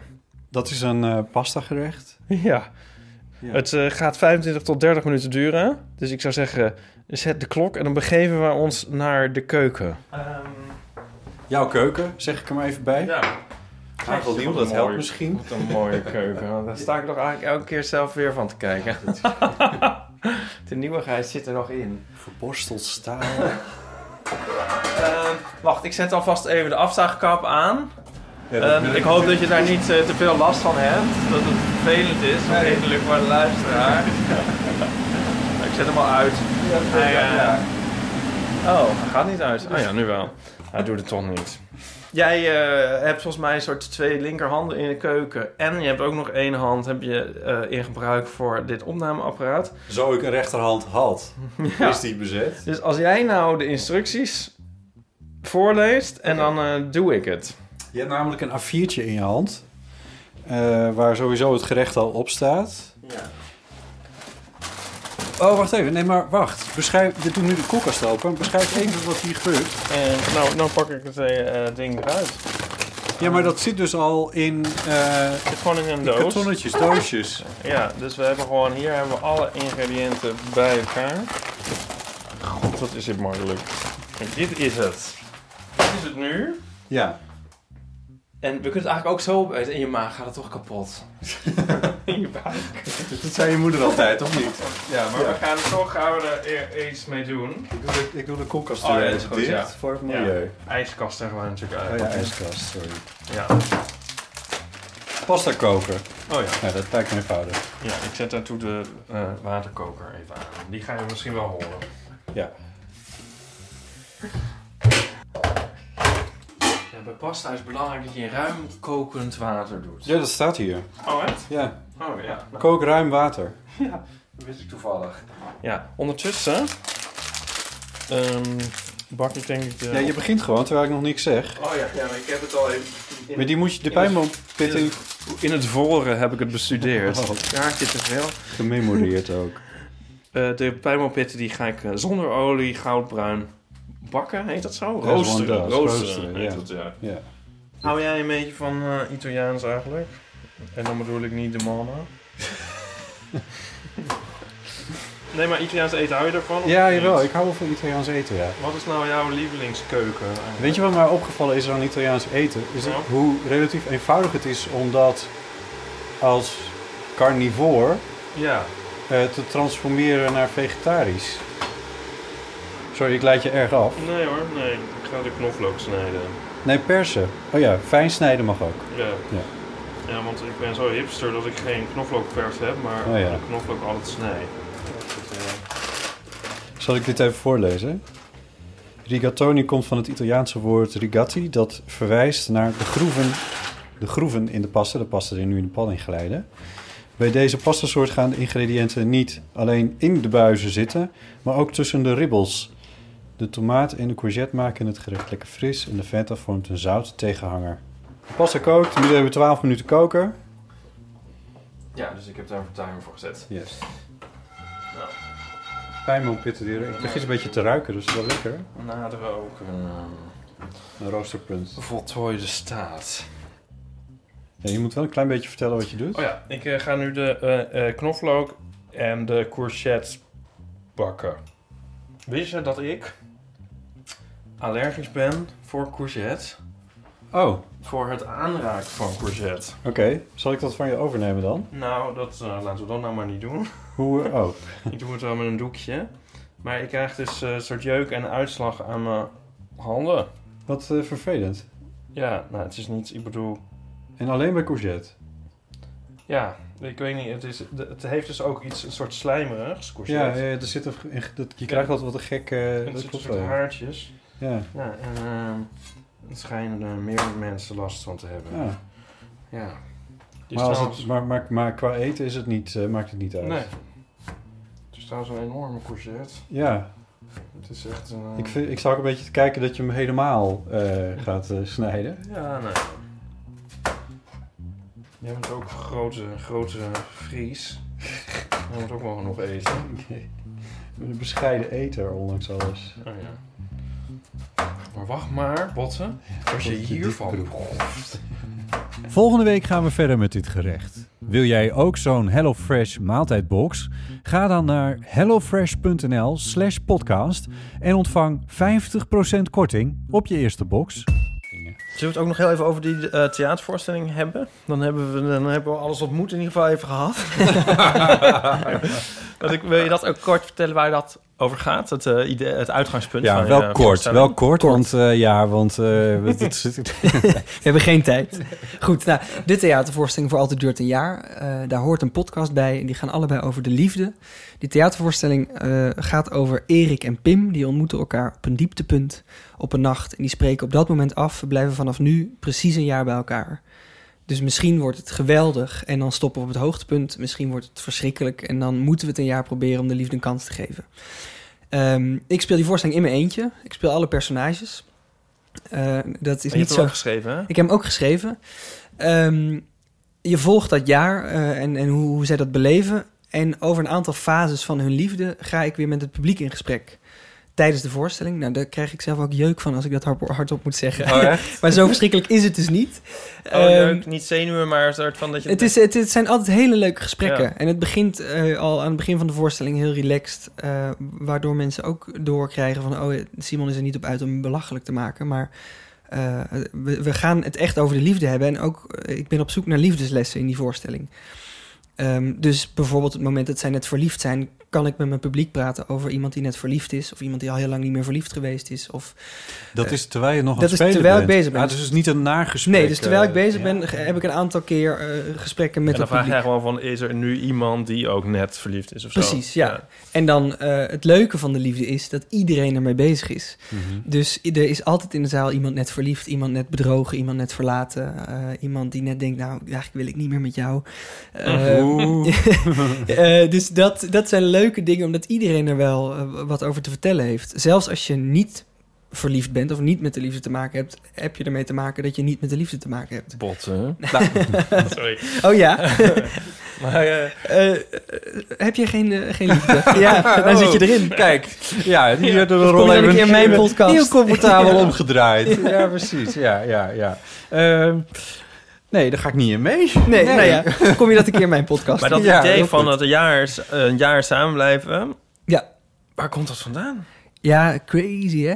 Eh, nee, ik, ik, het viel mij zo op om me heen dat eh, er enorm wordt geworsteld met de liefde. Ja. Hoe dat moet. eh, toch best vaak op feestjes dat er wordt gezegd... oh ja, hij ging gisteren vreemd, maar zijn vriendin is er nu... dus we zeggen maar niks. Of Ja. hij heeft een open relatie, maar dan, dan mag je niet weten. Zo, dat soort gesprekken zijn er best wel Ja. vaak. Dus ik merkte dat we heel erg op zoek zijn naar hoe moet dat. Eh, we zijn allemaal serieel monogaam geworden. En ik dacht, wat nou, wat gebeurt er als ik een helemaal nieuwe vorm verzin voor de liefde? Dus een eindtijd. Ja. Dus als, als, wat gebeurt er als we afspreken, we gaan niet 25 jaar aanmodderen. Ehm, maar we zeggen gewoon, dat Ja. is het eindpunt. En tot die tijd leven we dat helemaal vol. Maar wat ik eigenlijk dan wil weten is... heb je dat voor de voorstelling bedacht of in, eerst in het leven... en toen gedacht, oh, dat kan ook voor een voorstelling? Ah ja, nou, in het leven denk ik niet dat als je dit aan een meisje voorstelt... dat ze dan zegt, ja, dat is goed, gaan we wil, doen. Wil je een jaar verkering met Ja. mij? Nou, je zou er ook met z'n tweeën op uit kunnen komen, toch? Ja, dat is bij mij niet gebeurd. Nee. Nee. Nee. Nee, en sterker nog... ik- Of heb je al gehoord van mensen die dachten van... ja, dit is een goed idee, dit Ja, er is doen. iemand geweest die Ja. zei: Ik ga dit echt uitproberen. Ja. Maar ik weet niet hoe dat gegaan Ah, nee. is. Eh, Ze mag bellen. Hij, Ja, hij mag bellen. naar ja. de Daar ben ik wel benieuwd naar. Ja. Ja, ja. Ehm, nee, dat is echt wel voor de voorstelling bedacht. Ja. Omdat dat ook zo dat gevoel eh, samenpakt in, in, een, in een afgesloten tijd. Waar, en dat vind ik heel leuk aan, aan vertellingen. Dat, eh, dat je een soort verhoogde emotionaliteit kan krijgen. Ja. Dus alles wat te gek is bij hun is ook echt te gek. Eh, en da- dus daaruit is dat ontstaan. En ik dacht, het is een mooie voorzet, een soort extremiteit van eh, een nieuwe liefdesvorm. Waardoor ik wel met mijn publiek in gesprek kan over die nieuwe liefdesvormen. Ja.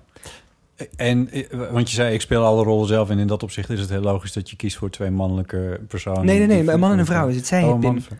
Sorry? Ja, zij heet Pim. Zij heet Pim. Ja. Pardon. Ja. Ja, oké. Nee, ik dacht ook- misschien speelt ja. dat ook nog een... Nee, want ik speel ook, ik speel bijvoorbeeld ook Eriks moeder eh, en Pim's moeder. eh, Ah ja, dus dus er dat zitten eigenlijk allerlei personages omheen die ook iets met de liefde uit te vechten hebben. Nee, ik dacht dat maakt het misschien ook voor het publiek nog weer mogelijk ingewikkelder. Ja, ja. Nee, dit- het is in die zin een traditionele Oké. eh, heteroseksuele relatie die een jaar duurt. Ja. Ja. Eh, maar d- d- dat eigenlijk die gesprekken gaan, wat mij betreft, gewoon over de liefde, eh, met wie dat Ja. dan ook is. Ja, die gesprekken met het publiek Ja, bedoel je. Ja, ja. precies. En Ja. die gesprekken met het publiek, eh, daar eigenlijk meestal zit daar een heel leuk verhaal in. Of iemand die, die waarvan ik denk, daar wil ik meer van weten. En daarmee doe ik dan een kleedkamersessie voor de podcast. Ah, juist. Waardoor al die verhalen ook weer een plek krijgen. Zodat dat niet alleen maar die ene theateravond is, maar dat Ah, het ook oké. nog... En, maar- dat loopt dus straks ook gewoon weer verder als je ja, weer gaat ik ga weer een nieuwe met, podcast eh, opnemen. Ja, Omdat ik, eh, ik ga weer eh, een toertje doen met de voorstelling. gaaf. Dus ik begin in Amsterdam weer en dan eh, ga ik het land in. Ja. Ja, leuk. Ja, ik heb er een paar gehoord. En eh, ja, die, die is het meest is bijgebleven is die eh, eh, van Alois, de podcast. Zo ik voorlezen wat Ipe naar mij teksten vanmiddag? Hij zei... eh, eh, even kijken, waar staat het nou? Eh, nou ja. Ik weet het denk ik Ja, zo nog die- wel. Oh, die aflevering met Alois, die klinkt als pure koten in de bie. ja. Ja, die man is fantastisch.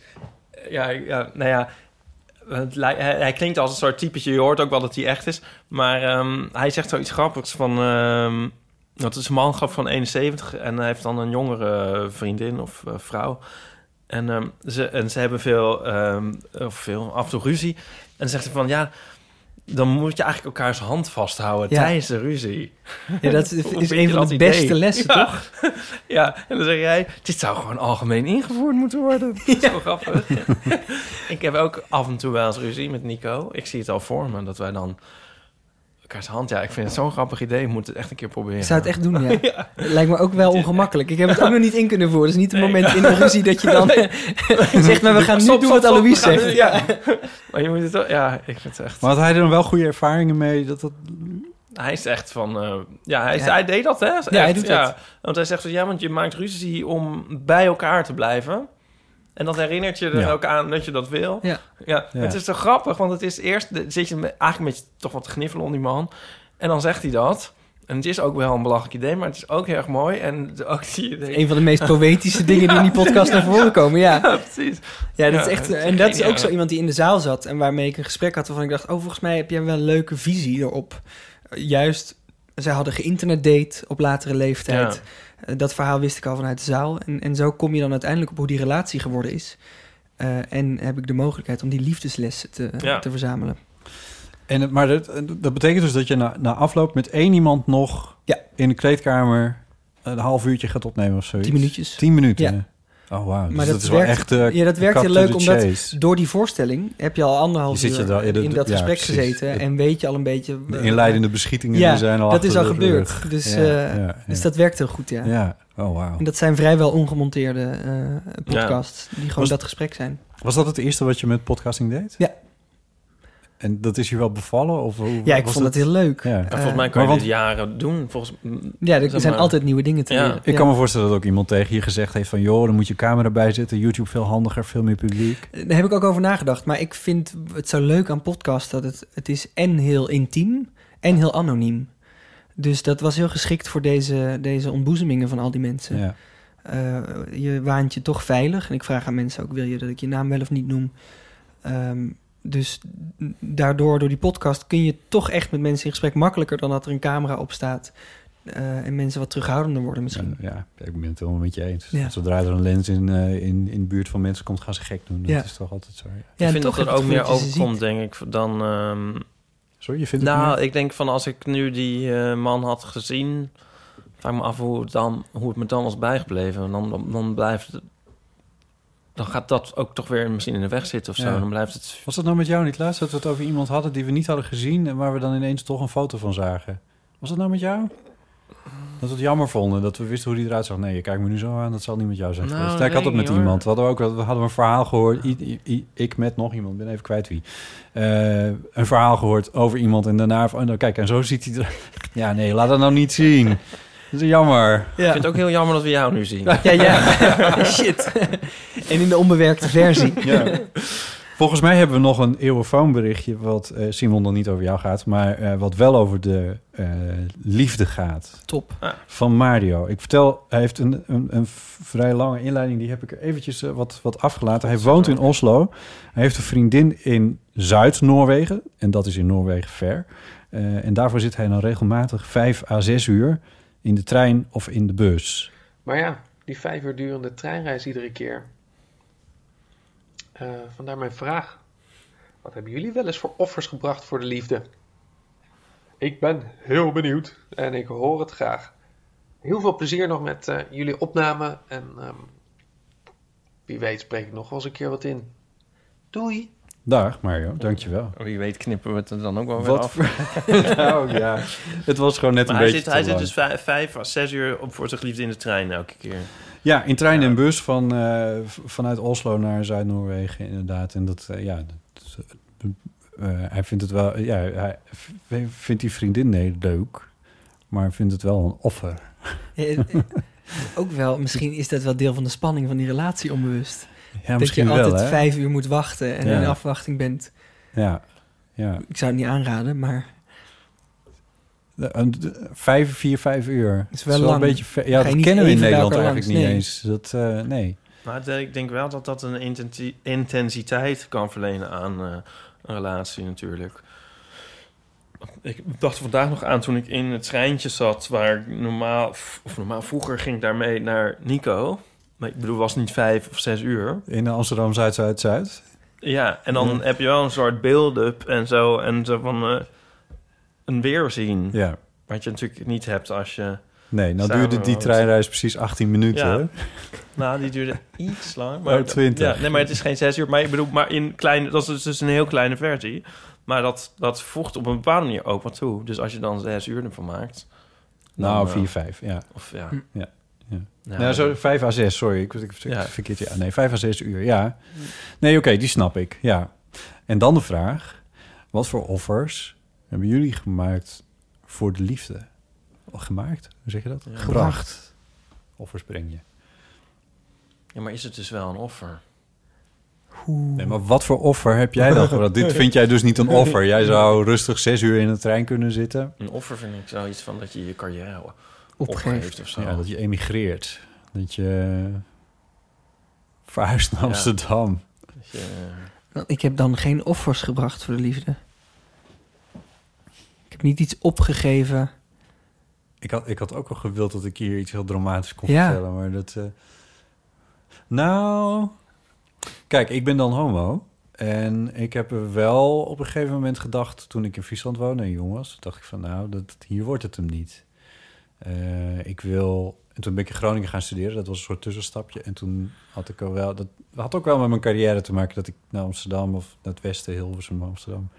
verhuisde. Maar het had toch ook wel te maken met dat ik dacht van... ja, maar daar zijn de jongens. Ja, ja. dat Dus eigenlijk is jouw offer voor de liefde. Ja, dat, voelt nou gewoon zo- wat ver om dat nou het offer Ja. te noemen. Want het, mijn carrière heeft er ook wel bij gevaren. Ja. Laten we wel wezen, ja.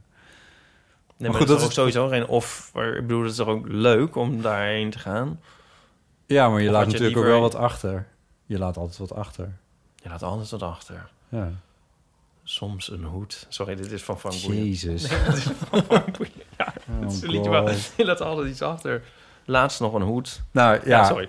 Ehm, Je moet het een beetje belachelijk te nee, zit maken hier. belachelijk te maken. Maar, maar ik weet niet of dat een offer... Ik lijkt mij eerder een offer dat je van Amsterdam Naar Friesland verhuisd, omdat daar dan iemand... Ja, oké, ja. Nee, die snap ik. Ik bedoel, ja. dat heeft toch je, le- je wereld opengegooid en, je, en zo? Ja. Ja. ja, maar het heeft ook een andere wereld weer gesloten. En daar wil jij nooit iets van weten, maar het is wel waar. Ja, maar heeft het die gesloten? nou, ook niet helemaal. Nee. Nee. We zijn allemaal niet zo romantisch als, eh, Als Mario. als Mario. Ja. Nee, misschien niet. Maar nu zitten we in reistijden te denken. Dan kan, er kunnen natuurlijk ook andere Ja, ik zit wel enorm in de reistijden, Ja. dat klopt. Ja.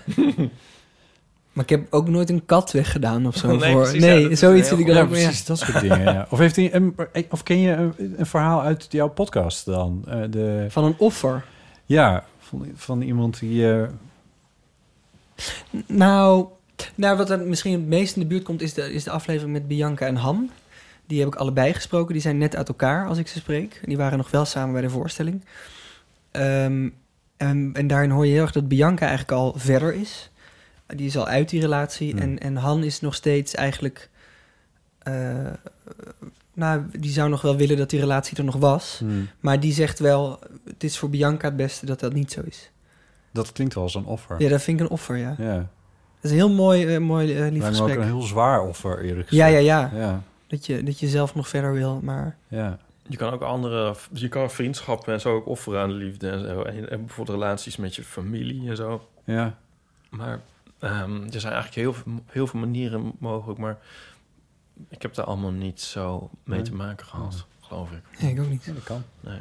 Die van Madelief vond ik ook mooi trouwens. Ja. Ja, dat einde vond ik eh, heel goed. ja. ja, dit is een aanrader, luisteraars. Maar dat hadden ze al wel begrepen, hè? Ja, precies. Ja. Eh, we gaan even luisteren naar, ehm, naar Esther. Hoi, Dotte, Ipe en eventuele gast. Ehm, tweede gast. ik reageer even op jullie, eh, jullie oproepje over eh, situaties die je, ongeveer, die je hebt gedaan terwijl je een beetje verveelde.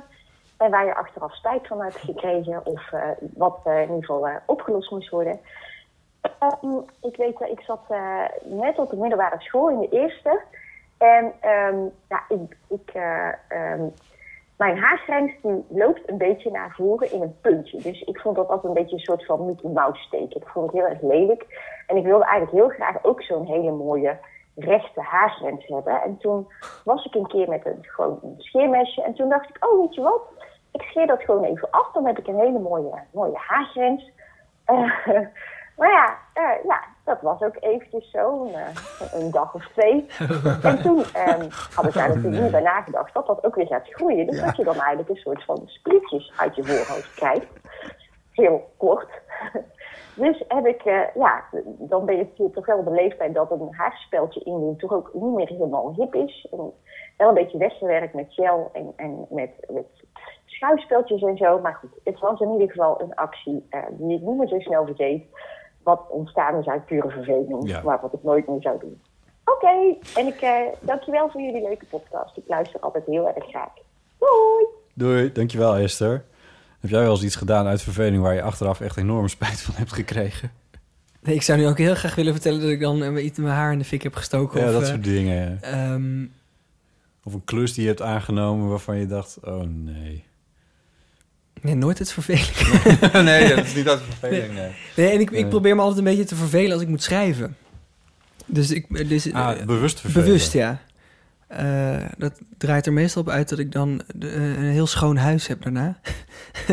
Omdat ik toch Dat ook noem die ik geen verveling... Nee, dat, dan Dat verstel ik die verveling ook weer uit. Ja, oh ja. Ehm, Oh, wauw. eh, even denken of ik iets uit verveling heb gedaan. Nee, eh, ik verveel me ook niet zo heel veel. Nee, als ik een beetje naar je cv kijk, dan eh, lijkt Nee, dat er ook niet echt het is op. best wel druk, ja. Is verveling ook iets voor kinderen? Eh, Steeds minder, toch? Minder? Maar ook, voor- Ja, het is sowieso minder, niet. zeg maar, voor, voor het, denk ik, is er minder verveling in de, in de maatschappij. Maar ik heb het idee dat als kind, als kind kon je zo eindeloos vervelen en dat wordt steeds... Nou, ik zie ja. Ja, We hebben natuurlijk meer het dingetjes nu, hè? Gisteren bedoel- was de verjaardag van mijn nichtje en er waren dan mijn andere neefje en nichtje en die zie ik dan ook zo hangen en dan denk ik van, oh, die vervelen zich ook dood. Niet dat ik dan nog even iets leuks ga doen. met Oh. Voetbal. Je zit je ook zelf te vervelen. ja, maar dat denk ik een beetje. Omdat je als kind heel vaak op plaatsen moet... dat je dan zelf niet kan kiezen waar je heen gaat of zo. Ja. Ah ja. Dat denk ik een beetje. Tenminste, als kind verveelde ik Als me kind heel ben je veel. gewoon een speelbal Ja. van waar je ouders heen moeten. Ja. Ja, maar zeker als je ouder... Maar geldt voor kinderen misschien ook wel een klein beetje. Maar zeker als, als je wat ouder bent... er- Er ligt altijd nog wel een krant. Of je kijkt een keertje Netflix. Is misschien... Ja, ik bedoel, dat noemen we ook geen vervelen meer. Maar Nee. ehm, dat Dan doe je wel iets. Dan doe je ergens iets of zo. Iets van, ja, ik weet niet. Ik vond Wat wel vervelen ook Nou ja, vroeger eigenlijk? vond ik verveling echt uitzichtloos. Ja. En dan Ja. duurde het meestal maar heel kort. Maar ik dacht, dit houdt nooit meer op. Ja. Ja. ja, zo zal het altijd blijven. Ja. ja. En dan was er heel snel weer iets te doen. Ja. Nou ja, er is nu wel weer een soort... Tenminste, ik lees dat her en der wel eens. In mijn ochtendblad. Dat er weer een soort oproep is voor... eh verveel je toch in vredesnaam wat vaker. Want het is gewoon heel goed voor je hersenen... dat ze wat rust krijgen en dat soort dingen. Ik geloof ook niet dat ik er heel goed in ben. Ja, want nu vind ik het soms onduidelijk of ik... Dan denk ik dat ik me verveel, maar dan heb ik gewoon nergens zin in. Maar tel, of is dat hetzelfde? Ik kan hem niet meer zo goed voelen, verveling. Ja, eh, wat is verveling? Dat is eigenlijk wel een goede vraag. Misschien moet dit ingebeld worden. Ja, weer. ja, ja. Maar Is dat, iets, is dat hetzelfde als nergens zin in hebben of is het iets anders? Want, of kan je iets En je doen kunt en nergens je- zin in hebben en daar gewoon heel chill in zitten, toch?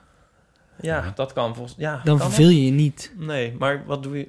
Kijk, verve- verveling heeft ook iets van vervelend. Ja, maar doe, doe, doe je iets als je je verveelt of doe je per definitie niks? Of kan je ook iets aan het doen zijn en je nog steeds vervelen? Ja. wat, wat, wat doe je dan nog? Ehm, Ik bedoel, je kan een touwtje om je vinger heel vaak winden en weer niet en zo. Of Ja. dat je je dan verveelt. Maar kan je... Ja, je kan ook wel tv kijken en je vervelen. ik zag nu een soort eh, fabriekswerk voor me. Waar ik me voor kan stellen dat Ook, je je dan ben je wel verveelt. iets aan het doen, maar dan, Ja. dat is Ja. ook vervelend. Ja. Maar dat...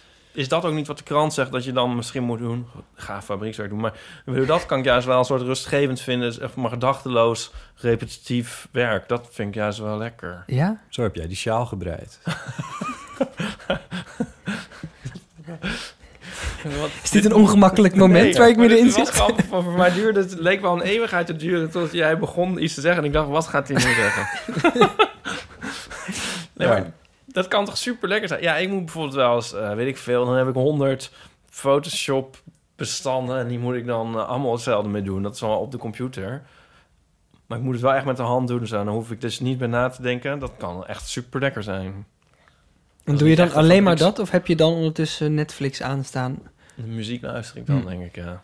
Nou ja, Nou ja, ja. Dat, vind ik, dat klinkt niet als vervelen eigenlijk. Nee, nee, dat zeg ik. Maar ik bedoel, dat is een soort, dus een soort repetitieve gedachteloosheid... die, die volgens mij wel lekker is. Ja. Maar dat is iets anders dan vervelen. Ja. ja, want de verveling die jij zoekt... is de verveling waarin je gedachten juist alle kanten op gaan. Ja. En dat je eigenlijk niks doet. Ja, want zo kom jij tot... Dat je een beetje zo eh, creatief op, straat loopt te slijpen. Eigenlijk soort- wil je iets willen als je je verveelt misschien. Je wil iets Ja. willen. Ja. Mooi. Ja. Heel goed. Oh. Wat opgelost. Ja, precies. Zal weer, iemand zal dit wel weer opschrijven. Ja. Oh, hebben we het nog niet eens gezegd, hè? Eh, dat mensen ook mee kunnen schrijven. We hadden iets heel leuks. eh, eh, nee, ja, meestal zeggen we dat dan aan het begin... zodat mensen dat aan het begin dan ook meteen kunnen Maar er is nu toch e- al één iemand die alles opschrijft, dus het maakt het ook uit. Ja, nu, schrijf je het, nu schrijf zeg je het een beetje met wat... eh, wat- Oh, sorry. Klinkt wat afwijzend nu. Nee, oh nee, ik ben, ben natuurlijk van, vind het fantastisch. Ja, dat oh, ja, is nee. het ook. Oh ja, oké, schrap dit. Ja, want we hadden, eh, we hebben iemand die, eh, die zelfs een pagina heeft gemaakt. en die heet nu de eerste. Oké, even sta één stap terug. Je kan show notes bij onze show schrijven, als je dat wil. Eh, de luisteraar spreek ik dan even aan, niet jou, Simon. Specifiek. Ja, je mag het doen. Ja. maar het hoeft Ja, niet. Ik ben hier al geweest. verveelt je Ja, niet zo vaak moet begrijp schrijven. Eh, en, want er is een soort show notes eh, wiki, dus dat is een soort gecrowdsourced. Dan kan iedereen daar lekker aan meedoen. Eh, en, maar nu is er ook iemand die heeft een soort eerste hulp bij, sh- bij- hoe heet het nou? bij show notes gemaakt. En daar, daar wordt, wordt, even- steeds, wordt steeds gekker. ja, het wordt steeds een beetje gekker. Wij werden er een beetje verlegen van toen we het lazen, allebei vanmiddag.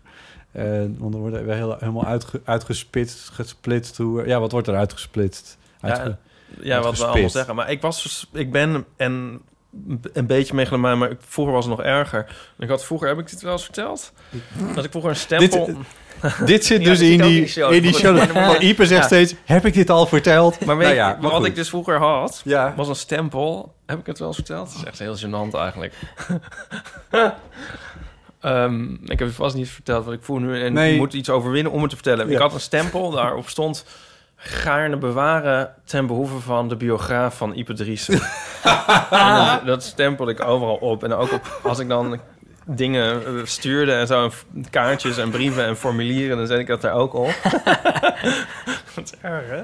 Ja, het is natuurlijk een grap, maar stiekem. ja, precies. En nu is het dus... nee, Nu is een beetje, heb ik de gekke gewaarwording dat... ehm, dus af en toe inderdaad wordt meegeschreven met eh, wat ik zeg. Jouw je- biografie. Ja, ja. Ja, maar ehm, ja, het is nog geen biografie. Maar goed, dat kan eh, elke luisteraar dus doen. Iedereen is welkom om eh, lekker mee te Zal ik schrijven. weer, zal ik weer voorlezen wat jij, wat jij tekste vanmiddag hierover? Namelijk, dat die, je had een quote van iemand. Oh, god. Ja, dus ik vind het nu raar gevaar dat het vroeger eh, fantaseerde ik hierover en nu eh, gebeurt het een beetje. En toen schreef ik: I never dreamt that I would get to be the creature that I always meant to be. Daarom wil je dit. Oh, dit is elke zo voorgekookt allemaal. Alles is uitgeschreven. Oké. Goed, we zijn weer in het draaiboek. Bladzijde ja. 90. Ja. Ja, iTunes recensies. iTunes recensies. eh, er was eigenlijk... eh, nee, heb, nee, slaan we over. Oké. Ja, nee, er moeten meer iTunes recensies geschreven worden.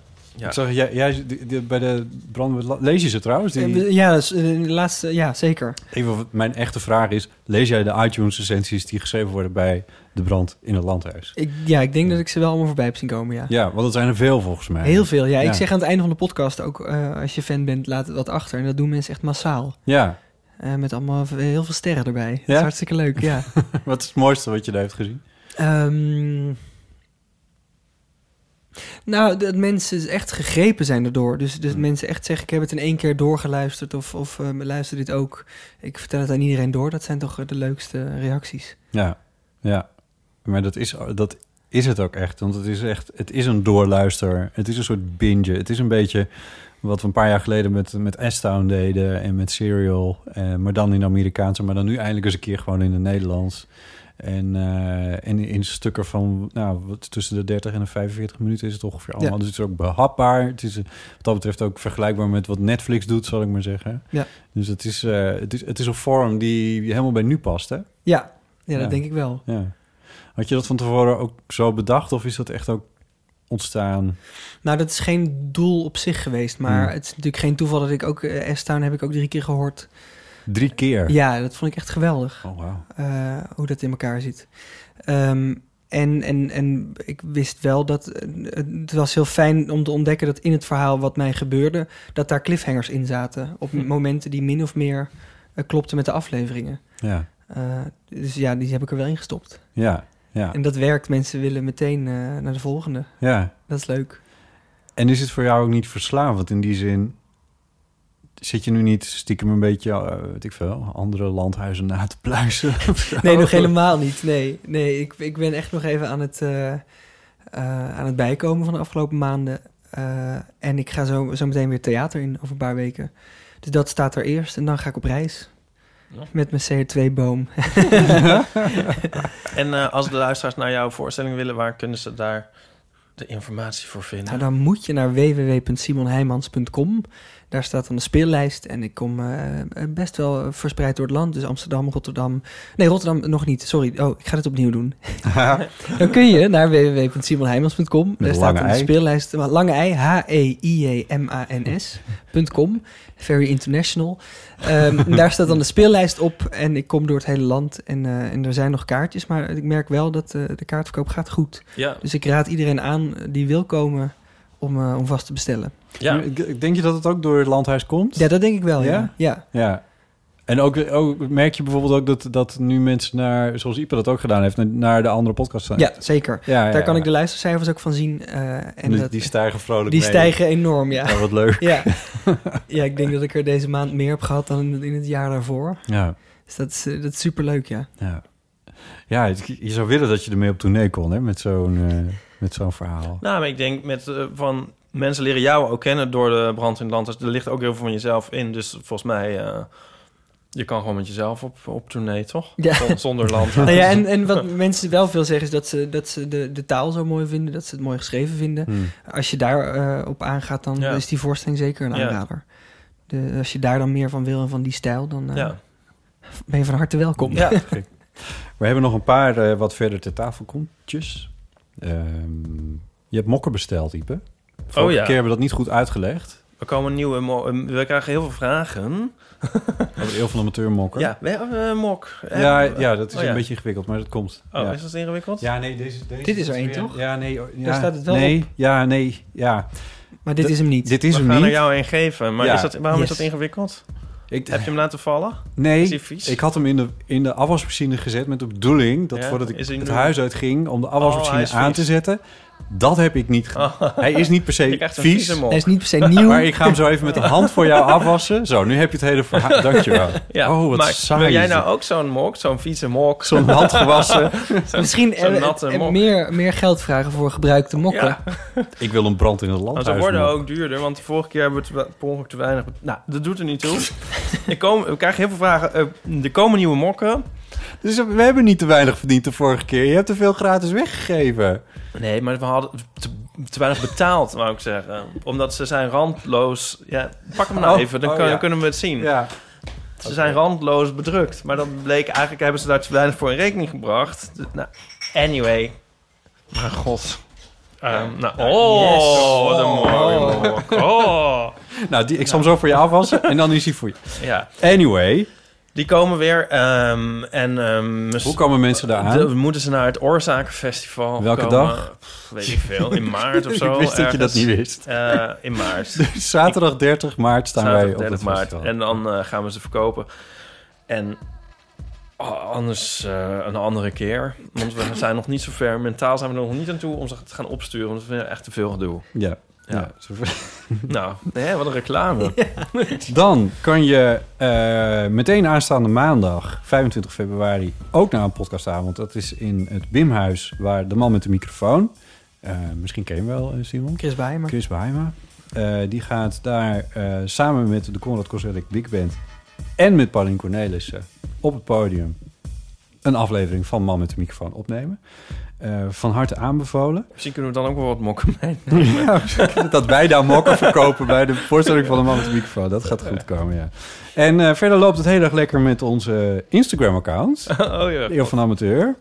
Eh, we, we worden heel vrolijk van iedereen die zich daar iedere keer maar aanmeldt en zo. We hebben heel veel Ja. volgers erbij. nu. Vergeet niet te liken, te subscriben op Like onze channel. subscribe, ja precies. Oké, goed. Verder zoeken wij nog nieuwe dilemma's en verhalen en kwesties die je niet kan googlen voor de eeuwofoon. Ja, verhalen als je je verveeld hebt. Verhalen uit het zwembad. Hadden we ook nog, maar dat komt volgende keer. Branden in het landhuizen, dat soort dingen. Mag allemaal. Ehm het telefoonnummer is 06 1990, 68. 71. Kijk. En op iTunes graag een recensie achterlaten, zoals eh, Simon zo goed zei. Van het helpt anderen weer om deze podcast te ontdekken. Zo is het. Simon, dankjewel dat je er was. Ja, dankjewel Ja. voor de leuke avond. Luister naar Brand in het Landhuis. Dat vind je gewoon in iTunes of waar je je podcast luistert. Dan kun je Ja, het allemaal en vinden. naar eh, Voor Altijd Duurt een Jaar. En eh, ja, echt heel leuk dat je er was. Thanks. Thanks. Ipe, dankjewel. Ja, tot De volgende. volgende.